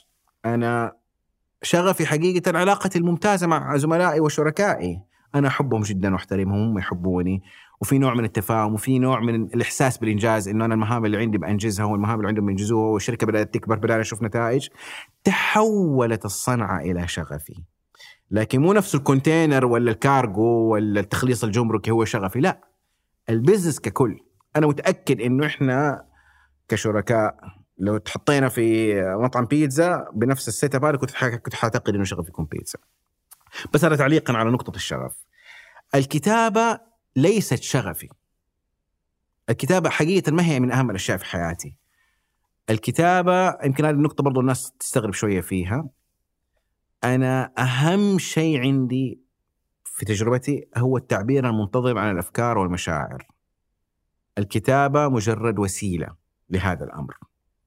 يعني ما هي غاية أنا مو نفسي أصير كاتب ناجح. أنا نفسي أجد طريقة أقدر أعبر فيها عن عن مشاعري وأفكاري بشكل منتظم آه، دون توقف. فوجدت إنه الكتابة هي الوسيلة لتلك الغاية، في ناس يعرفوا يعبروا بالطبخ، في ناس يقدروا يعبروا بالرسم، في ناس يقدروا يعبروا بأي شيء ثاني، بس أنا اللي وجدت الكتابة يعني هي ال وإجابة على السؤال أو تعليقا على سؤالك إنه نعم لقيت التوازن هذا إنه يكون جزء فيه ترك الأثر في حياتي وجزء آخر اللي هو في النجاح إن صح التعبير إن شاء الله يا رب يكون نجاح مادي واستقرار وأسرتي و... وأشياء تعيشهم حياه كريمة وتصون كرامتهم وإلى آخره يعني. جميل. آه، أسلوب حياتك هذا اللي, تك... اللي تتكلم عنه ما في كرف. فهل الكرف مهم للإنسان إنه ينجح؟ في البدايات نعم، كنمط حياة لا. لما نقول كنمط حياة مرة أخرى إحنا بن... بن... بنقلل من تقدير آه العمر يعني أنت ما ينفع إنك إنسان تكون في الأربعينات من عمرك. رايي الشخصي طبعا الناس يعني تختلف وتتفق. ما ينفع تكون في الأربعينات من عمرك وأولادك بدأوا يكبروا وأنت تجلس 12 ساعة 13 ساعة في المكتب. هذا رأيي الشخصي. مهما كان التبرير حتقول لي أنا حلمي أنا أحقق ذاتي أنا هذا يعني طموحي في الحياة ان أنا أوصل للمنصب الفلاني. مهما كان أنا أجد إنه وأنا أحيانا أشعر إنه الكرفه الزائد عن الحد الزائد عن الحد. في نوع من الكسل الكسل عن مواجهة الأخطاء الكبيرة في سلوكنا والكسل عن مواجهة مخاوفنا فبالتالي بنصرف جهد كبير عشان نغطي الموضوع ده. يعني أنا كان في في ال businesses اللي بداتها في حياتي أنا أذكر أيام كنت أجلس لين 11 الليل في المكتب يعني. فين ال business هذه؟ اختفت. ما, ما هي موجودة يعني خلاص خسرت وكانت تجي أيام أقعد على مشاريع نسهر نطبق يوم كامل نقعد نشتغل عليها. فين المشاريع دي؟ اختفت ما لها قيمة يعني. فاللي بحاول أقوله إنه أحيانا التك... يعني أنت دائما أقول الكرف الزائد عن حد غالبا غالبا. يا أنت بتشتغل في بيئة غير منظمة يا مديرك غير منظم. لا يمكن لا يمكن إنك أنت إنسان بتقرر بتقرر من تلقاء نفسك إنك أنت تجلس في المكتب يعني بكامل إرادتك على الأغلب يعني كسيناريو دارج 16 ساعة مثلا. إلا لو كان زي ما قلت لك في البداية في نوع من المخاوف اللي بتحاول تشرد منها يعني. مخاوف خارج العمل قصدك؟ إيوه طبعا تحقيق الذات إنك أنت يعني تبي تثبت لنفسك تبي تثبت إنك أنت إنسان تستحق المنصب القادم إنك أنت إنسان تبغى تكرف عشان عندك إدمان الشغل ممكن ولا توانع الاحتراق العملي. هذا موضوع ثاني يعني فهمت علي؟ وممكن شوية ما أمانة لو كان مؤقت. يعني أنت عندك مشروع الآن لازم تسلمه فاين. أقعد لمدة شهر يا سيدي كذا اكرف زيادة على اللزوم لين ما تسلم وبس بعد كذا خلاص ترتاح. لكن ما ينفع إنك أنت تقعد سنين. ما ينفع إنك أنت يا سيدي الفترة اللي أنت بدأوا أولادك يكبروا فيها وبدأ يعني تشوفهم في هذا إنك تجلس ما أنت أصلا في في الساحة على الرادار حقهم يعني. أنا أشوف هذا رأيي يعني لأنه فترة النشأة دي في الطفولة أعتقد إنها مرة مهمة تواجد يعني الوالدين فيها يعني. هذا رأيي يعني. هل هل تشوف إنه ممكن يصير جزء من من شخصية الإنسان؟ دائما الكريف يعني يتفاخر أنا مشغول والله ما عندي وقت، أنا شخصيا ما أفهمه صراحة لأنه ما أدري هل في عمل يتطلب ثمانية ساعات. أنا ما أبغى أقول 16 أبغى أقول ثمانية بس. هل في إنسان مو في العصر في الصناعي اللي لازم واقف على الاله هل في إنسان اليوم في الاقتصاد المعرفي حقنا عنده شغل ثمانية ساعات من جد؟ لو قاعد ركز عليه فعلا هو ثمانية ساعات؟ أتوقع لا. إذا ما كان أنا في رأيي الداخلية أتوقع لا. في رأيي لا. ويعني أنا دائما كتبت مقالة مطولة في الموضوع ده إنه إحنا حياتنا أسهل من زمان. عندنا إيميلات وعندنا واتساب وعندنا يعني Basecamp وعندنا Zoom meeting. يعني كيف يا جماعة يعني مو معقول يا جماعة الخير إنه إحنا حياتنا أصبحت أسهل عشرة مرات من زمان؟ من قبل 20 سنة مثلا؟ وشغلنا صار ضعف الشغل اللي عندنا قبل 20 سنة. في شيء غلط. فاهم علي؟ تحس تشعر كذا فأنا أتفق معاك حقيقة في حتة إنه إنه أنا في رأيي أنا مش اخاف أقولها دي لأنه الناس تزعل مني ومنهم يعني ممكن يكونوا الناس مقربين يعني. ثمان ساعات أنا أشوفها كثير شوف يا سيدي أنا كتبت في حياتي يعني قريب 800 مقالة وخمسة كتب. وأنا ما أعتبر نفسي إنسان كريف. أنا أعتبر نفسي إنسان أدعي إنه عندي شوية حب للتنظيم. أوكي؟ شوية حب للتنظيم. ودائما الإنجازات أعتقد في حياة أي إنسان أنت لو راجعت نفسك حتلاقي إنه واحدة من أكبر الإنجازات اللي سويتها كانت مبنية على قليل دائم خير من كثير منقطع أنت ما تقدر بكرة تصحى تسوي ماراثون 30 كيلو بس تقدر كل يوم تتمرن نص ساعة نص ساعة ساعة. فاليوم حقنا في رأيي الشخصي أنا لما نتقسم بالطريقة الصحيحة وتخصص لكل شيء في وقته المحدد حتلاقي انه نتائجه على المدى الطويل عالية. يعني لما تمسك شخص قري 500 كتاب على سبيل المثال ويعتبر إنه هذا الشيء إنجاز هذا الشخص اللي سواه إنه هو كل يوم بيقرأ ساعة ولا ساعتين لمدة ما أدري كم سنة. الكتابه نفس الشيء، الكتابه عبارة عن إيه؟ عدد كلمات. كل يوم تصحى الصباح تجلس على الكمبيوتر تكتب الرقم اللي انت حاطه لنفسك 500 كلمة 500 1000 1000 1000 فهمت علي؟ كتاب بالمناسبة متوسط كتاب عربي متوسط الحجم 30000 كلمة عادة كأفريج انت لو جلست كل يوم تكتب 500 كلمة 500 كلمة ترى 45 دقيقة من وقتك. 500 كلمة في 10 أيام هذه كم؟ 5000 كلمة. 20 يوم آه 30 يوم تيجي تحسبها حتلاقي نفسك أنت في كم شهر غلقت كتاب كامل يعني. كيف تغلق كتاب؟ يعني انضباط إنك أنت تجلس بهدوء كل يوم تشتغل بافتراض إنك أنت إنسان موظف وعندك مسؤوليات ثانية وكذا فأنا أتفق في حتة أعيد اتفاقي وأكرر إنه الكرف أحيانا أنا أشوفه عبء.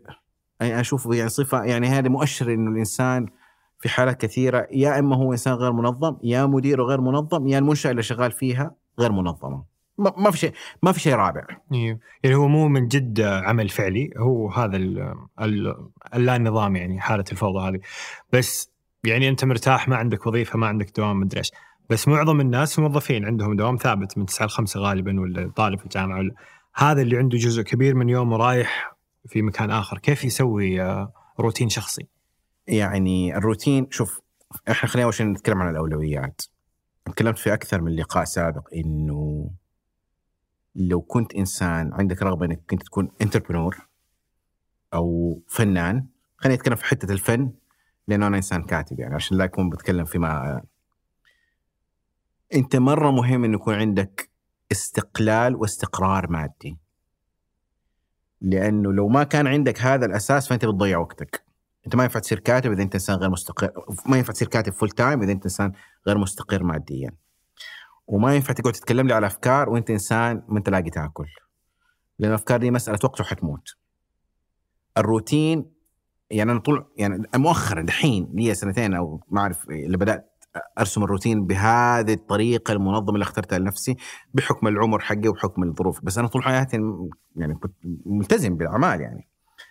الروتين هو ما تختاره لنفسك وليس ما يفرض عليك. إذا أنت إنسان دوامك كل يوم من 9 ل 5 أنت تقدر إنك أنت تصنع روتين يتضمن ثلاثة ساعات أو ساعتين قبل الساعة التاسعة تمارس فيه ما تريد. أنت تقدر يعني تكرر يوميا نفس الأعمال بعد الساعة 5 عصرا اللي اخترتها لنفسك. إنك أنت إنسان تبغى مثلا تروح تتريض تبغى تروح ايا كان الشيء اللي أنت اخترته. الروتين مطلب من وجهة نظري لحياة مستمرة في النمو. راقب أنت كل الكبار في السن الناجحين في حياتك أو في عندك في العيلة ولا وراقب رجال الأعمال ستجد إنه واحدة من حلقات الوصل المتشابهة عندهم وجود روتين. شيء يكرروه يوم بعد يوم يوم بعد يوم يوم بعد يوم وصلهم لهذه المرحلة. يعني لا يمكن إنك أنت تلاقي كاتب على الأغلب كاتب خلينا نتكلم على اجانب زي ستيفن كينج ولا جون جريشم ولا ناجح من دون روتين. لا يمكن. لأنه النجاح ده تطلب انه هو ينشر العديد من الكتب والعديد من الكتب دي كان يتطلب عدد كبير من الكلمات. عدد الكلمات ده كان يتطلب جلوس يومي الجلوس اليومي ده كان يتطلب روتين. نفس الشيء تقدر تسقطها على أي شيء أنت محتاج تنجح في عملك أنت ما تقدر تنجح في عمل إذا أنت تعطي له نص بال أو ربع بال فهمت علي؟ على الأقل في البدايات؟ يعني أنا في التأسيس حقيقة تجربتي أنا على الأقل أنا ما بتكلم كثير على عالم ال business بس تجربتي أنا كان full attention عندي في البدايات دحين اللي صرت آه شوية معطي يعني الدفه لأحد غيري إنه يعني يشيل بس وكانت بهدف يعني كانت هدف إنه أنا شايف طول الوقت في بالي موضوع الكتابة إنه أنا نفسي أتكلم عن الكتابة وابغى بخليها وفهمت شركائي وفهمت يعني زملائي إنه يا جماعة الخير ترى وقت الصباح بخصص الكتاب الله يخليكم يعني. فالروتين مطلب وضرورة عشان تنمو في حياتك و... وغنيت الناس لي عشر سنين بغني عليه وبقول للناس أرحم ابوكم اخلقوا روتين لنفسكم مو لازم الروتين يكون شيء ممل يعني. فإن شاء الله بس يعني. إيش أكثر الأخطاء اللي الناس تقع فيها لما تصنع الروتين؟ آه، أعتقد آه، يعني القسوة الزايدة عن الحد وجلد الذات لأنه أنا كنت شخصيا أطيح فيها. يعني أنا أول ساعتين أسوي الشيء الفلاني مثلا أتأمل وبعد بعد أصلي الفجر ولا أتأمل بعدها أو ما تأملت خبص الروتين. فأنا أعتقد احدى من الأخطاء اللي تصير إنه جلد الذات والشيء الثاني من الأخطاء اللي تصير أعتقد في تركيبة الروتين الموضوع بالمناسبة شيق الناس ما تحب ما تعرف إن أنا أحب أتكلم عنه.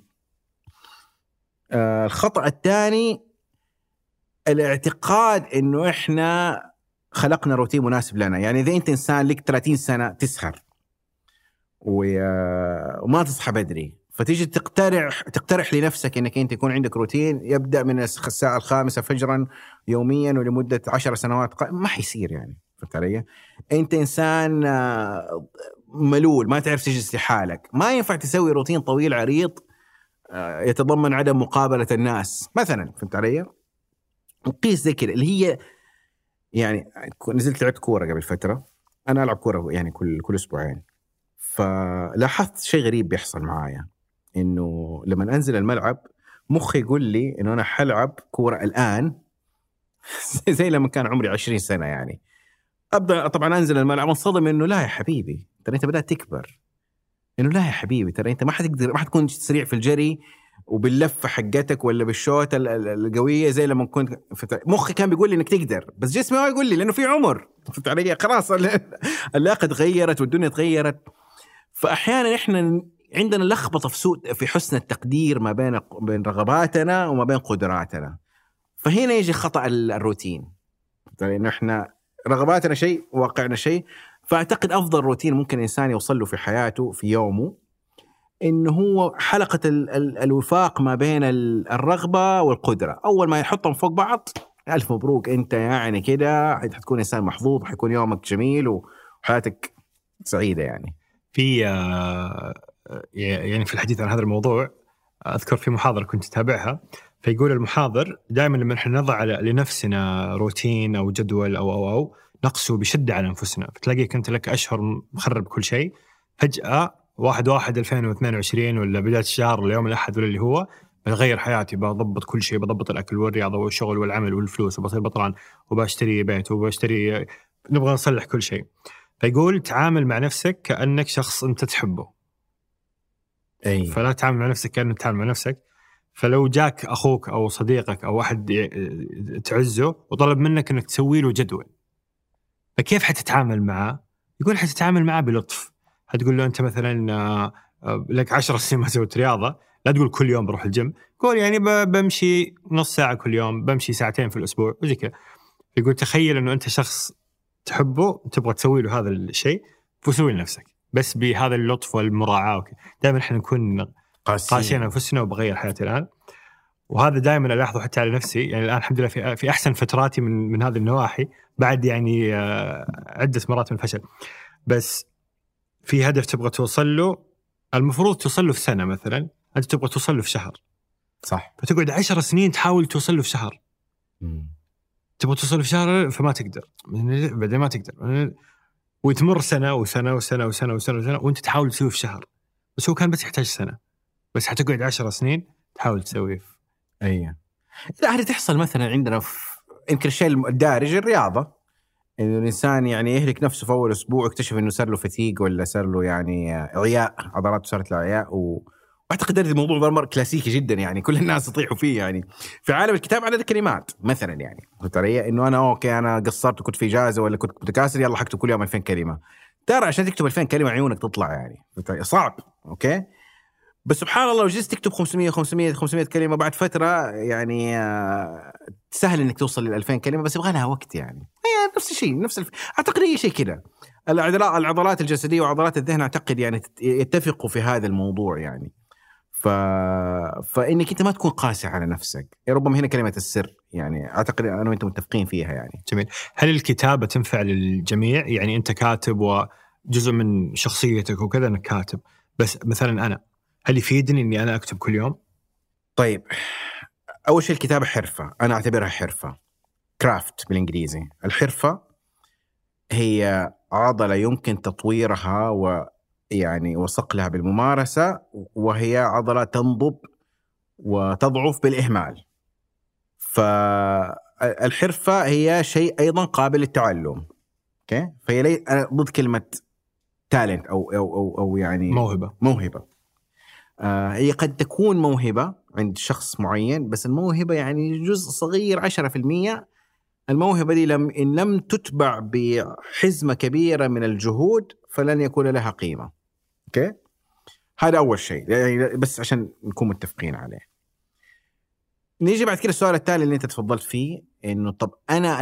الحرفة هذه أو الموهبة دي اللي بحولها الحرفة الحرفة دي أبغى أخذها لأي مستوى أنا بالنسبة لي كشخص يحب الكتابة يبغى يكون في يوم ما full time writer عشان أصل لهذه المرحلة في طريق في طرق يعني في كذا أدوات لازم تسويها في حياتك الأدوات منها على سبيل المثال إنك أنت تكون إنسان منتظم في قراءاتك إنك أنت تكون إنسان تنتبه يقول لك دائما الكتاب writers notice things الكتاب ينتبهوا للأشياء اللي حولهم أكثر من غيرهم فهمت علي؟ هذا يعني نوع من التدريب اللي يبدأ الكاتب يبدأ يسويه في حياته. الكاتب مو بس ينتبه يبدأ ينظر للأشياء البديهية بصورة مختلفة. فهمت علي؟ سلوك بسيط جوة العقل بس يعني يتمرن عليه. يجي آخر شيء موضوع أو عفوا مو آخر شيء بس يعني يجي خلينا نقول لك الخط الفاصل اللي هو الكتابة. على قد ما أنت تكون إنسان منتظم على قد ما أنت بتحط نفسك في خريطة الكتابة. يعني في فرق بين شخص يكتب كل يوم وينشر بانتظام كتب ومقالات وفي فرق بين إنشاء إنسان نفسه يالف كتاب. فهمت؟ هذا شخص يريد أن يمتهن الكتاب وهذا شخص يريد أن يكتب كتابا. هنا الفرق الجوهري. طيب أنا شخص أريد أن أمتهن الكتابة وأبغى أموت إن شاء الله بعد عمر طويل وأنا جالس بكتب. هذا قرار. أوكي؟ عشان أنجح في هذه الرحلة يجب أن أمارس الكتابة أو يعني عضلة الكتابة لازم أشتغل عليها كل يوم كل يوم وما يصاحبها. إن أنا انتبه للأشياء إنه أنا أقرأ كثير إنه لا, توقف اقرأ إنه أنا يعني وطبعا في أدوات تانية تقنية إنك أنت يعني تقول الأشياء البديهية بطرق, غير بديهية إنك أنت يعني ما تقول آه، إنك أنت تكون صادق فيما تكتب. نبغى نتكلم بعد شوي عن موضوع الصدق. آه، إنك أنت ما تدخل الإيجو في الموضوع ده ما تخلي الإيجو اللي يكتب أنت اللي تكتب يعني. الكبرياء. الكبرياء عفوا أيوه. أو الأنا يعني. صح الأنا آه، فيها. فأنا كثير يجوني نفسهم يكتبوا كتاب. السنة اللي أنا نشرت فيها أول كتاب كانوا عندي عشرة أصدقاء ألفوا معايا كتب. سبب اختفائهم عن الساحة الحين مو إنهم هم كتاب فاشلين أو كتاب ما هم كويسين لا بالعكس أنا أعتقد إنه معظمهم أفضل يعني على الأقل في تجربتي أفضل مني يعني. لكن سبب اختفائهم إنهم قرروا التوقف عن الكتابه ما عجبتهم الحرفة دي يعني فهمت علي؟ أنا صدف إنها عجبتني فهمت علي؟ فعشان كذا كملت فيها يعني ف عشان تقدر تكمل فيها لازم يكون عندك مرة أخرى روتين هي مو الإلهام لأنه في في الكتابة والفن والأعمال الفنية عموما في هذا فريق الإلهام إن أنا متى ما نزل علي الإلهام سوف أنتج هذه الأعمال وفي فريق اللي ما في إلهام ولا شيء أقعد فضي نفسك امسك اللابتوب ولا الورقة والقلم ولا اللي هو واكتب. أنت مع أي فريق؟ بلا شك الفريق الثاني. أصلا عندي chapter في كتاب احمد الانجاز اسمه عفوا اسمه لا وجود للإلهام.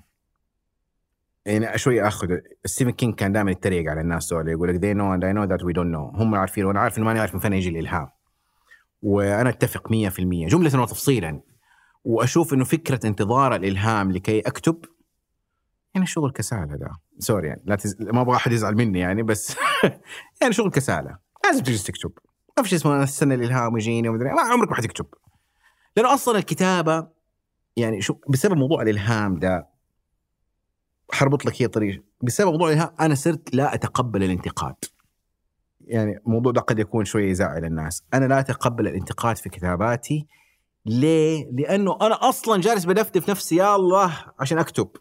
أنا أصلا بلطش نفسي. على قول الحجازيين وبدفدف نفسي الله يخليك يا أحمد يا حبيبي يا بابا. أقول لي والله زي الأطفال قوم اكتب اجلس اكتب. يا ابن الحلال ترى حتنشغل بقية اليوم. والله كأن كأني جالس مع طفل.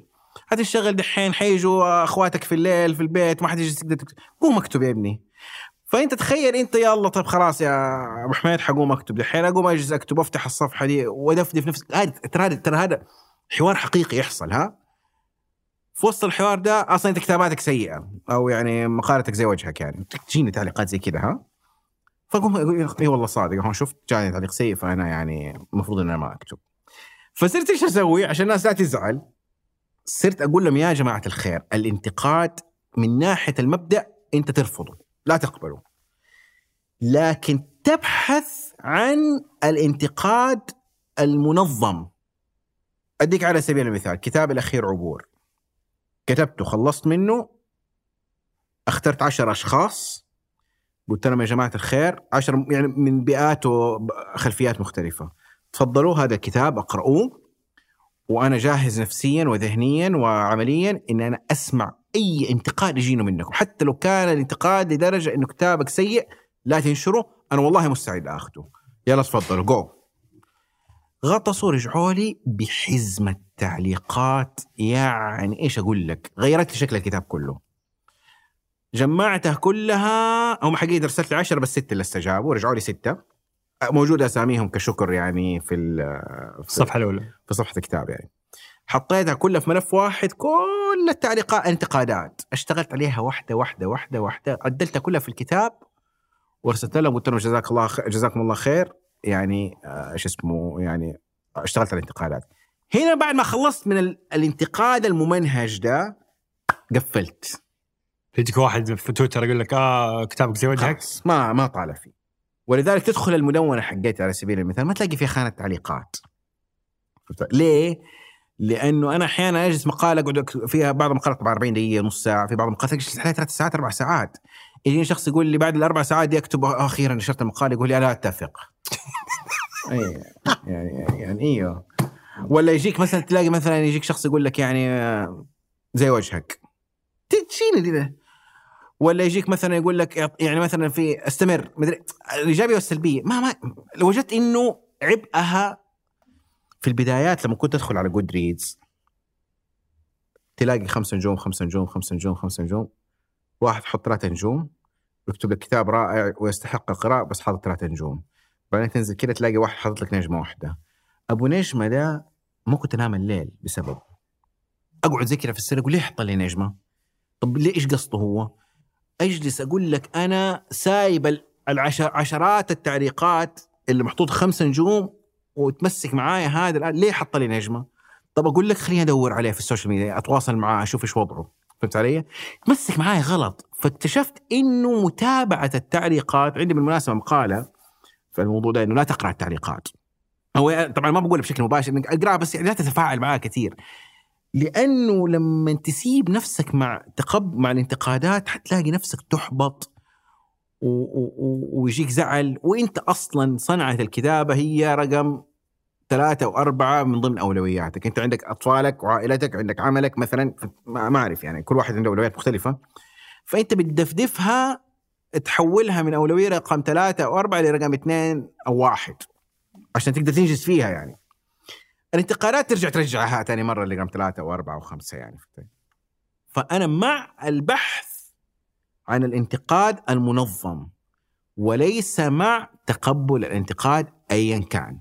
عشان بس أكون يعني هذا التغليفه لنقطة الانتقاد.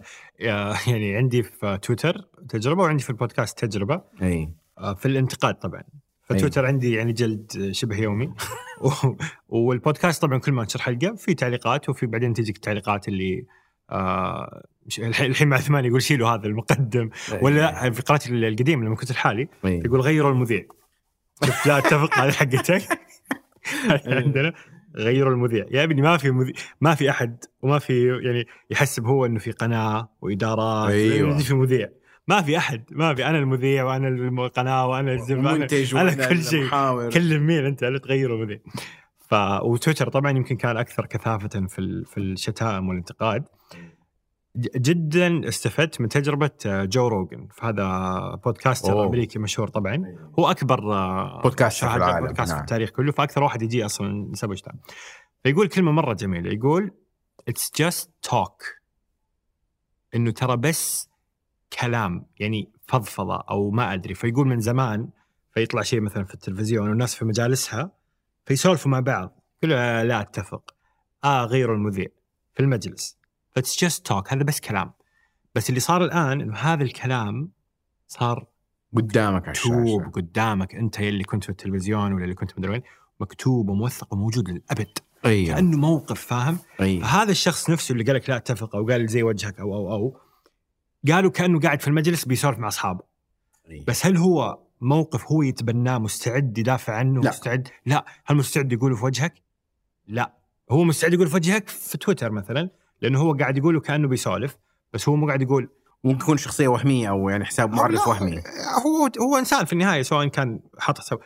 فأكثر من مرة أجرب شيء يمكن أول مرة أتكلم عنه. آه يجي واحد مثلا يسبني مثلا أو يقول أي شيء. فادخل أشوف فلان الفلاني باسم وبصورة وأحيانا بينه وبينه مشتركين ناس. فشخص يعني محترم حسابه مو واحد حاط حساب وهمي. فأروح له دي ام سلم عليه مثلا. بس بس أروح له دي ام وانسى نفسي قدامه. السلام عليكم أنا بشر أنا إنسان. يعتذر. أوف. والله العظيم أكثر يمكن عشر مرات صارت لي. موثقة عندي مسوي لها كابتشرز كل التجارب هذه. واسف والله أنا كنت معصب. والله ما أدري إيش ما جاء على بالي إنك حتقرأ. ما تخيل. هو بس لأنه انتقل مع إنه أنا المتلقي أنت الكاتب.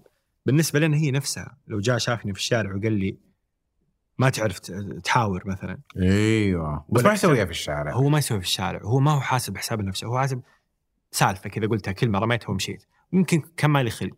يمكن هذا رأيي بس ما ودي أقوله للحاتم. بس يقوله الحاتم. بس عن طريق تويتر. فهو ما يحس إنه يقول الحاتم. بس أنا حاتم. قال لي وصلني الكلام.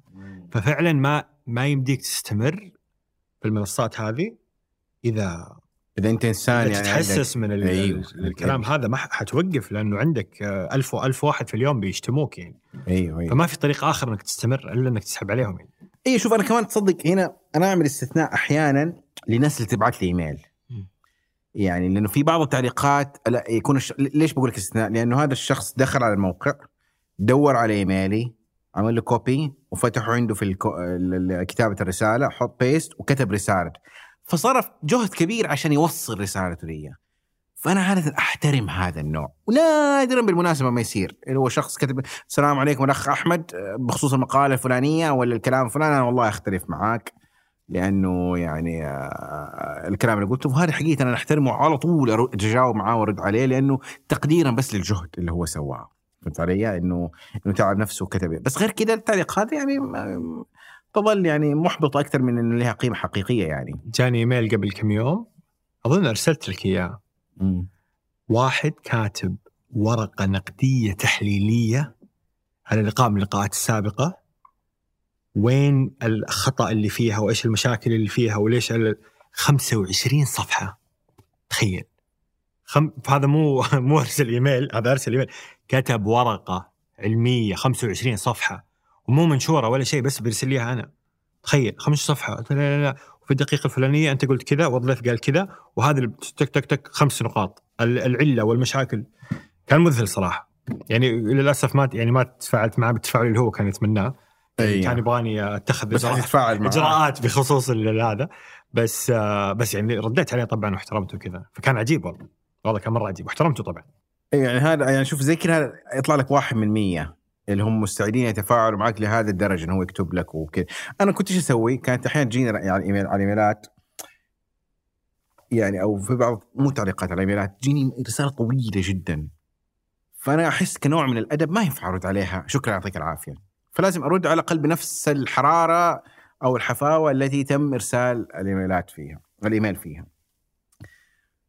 فجلست أفكر إيش أسوي فلقيت إنه طب أرسل مقطع صوتي.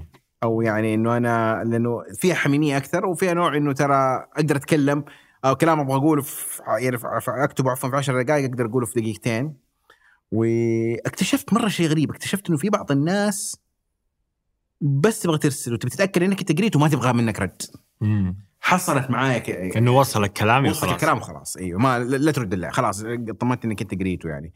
بس على كل حال اجين يعني بس نقطة هنا إني أعتقد ال ال ال ال يعني التعليقات أو الانتقادات ال ال الجادة حتبرز نفسها بنفسها وأنت بطبيعة الحال ستتقبلها يعني. فهمت علي؟ بس ما ينفع نخليه ستيفن كينج يقول لك write when the door is closed rewrite when the door is open اكتب الباب مقفل أعيد الكتاب والباب مفتوح. إنك انت تقفل تخلص مشروعك الفني والباب مغلق ما في احد بيطالع فيك okay؟ بعدين تفتح الباب تقول للناس تعالوا ادخلوا شوفوا القطعة الفنية حقتي إيش رأيكم؟ خلاص اديتوا رأيكم خرجهم برا وأرجع أقفل الباب وأشتغل أعدل عليها أوكي؟ آه هنا طبعا هذه النقطة بيصابوا فيها خصوصا كتاب الشباب. يطيحوا في الفخ ده إنه كتب سطرين ولا صفحتين ولا شابتر يقوم يحس شوية بالإنجاز يقوم يطلع يوري الناس كلها شوف إيش رأيكم أنا كتبت الشابتر ده. تحس إنه يجي منه؟ وهذا خطأ كبير. ليه؟ لأنه لو قالوا له واه ممتاز رهيب. هذا حيجي له وهم إنجاز. حيتكلم بعد شوي عن وهم الانجاز حيجي له الاحساس إنه أوه واو إحنا إنجزنا يعني و... وهذا. لو قالوا له لا الم... يعني الشابتر ده شكله يعني مو حيوديك مكان.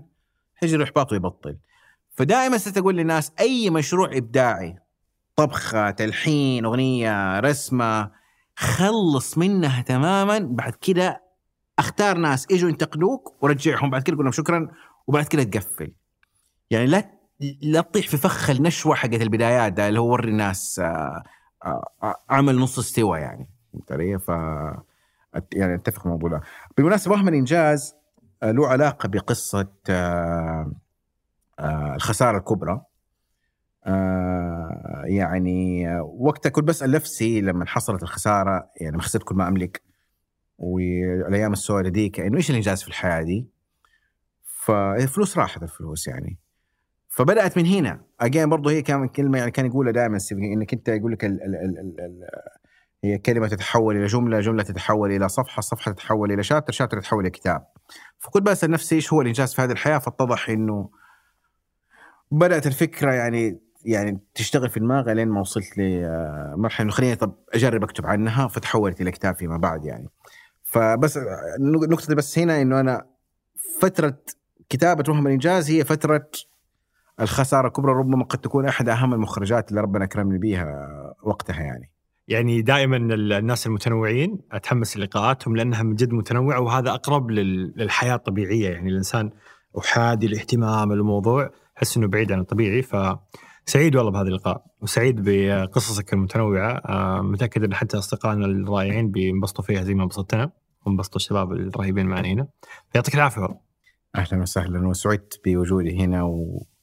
وسعيد بهذا الحوار اللطيف. وان شاء الله نلتقي في مناسبات ثانية يا رب. يعني أنت حبيناك كاتب وحبيناك كمان أنت تسولف فما شاء الله عليك. يعني حست الأمرين ما شاء الله. والله إن شاء الله إن شاء الله كمان تحبنا ناسس business سوا ولا شيء مستقبلا كمان. يلا أنت بس أنا عندي business ذهب. حول لي بس 15 مليون وابشر حول لي بس بس 15 مليون بس يكون في business ثاني يعني. ما خلاص يا أبوي خلينا على الكتاب وعن عن السوالف. إن شاء الله يا رب تكون آه، يعني ذات قيمة. جميل. يعطيك العافية.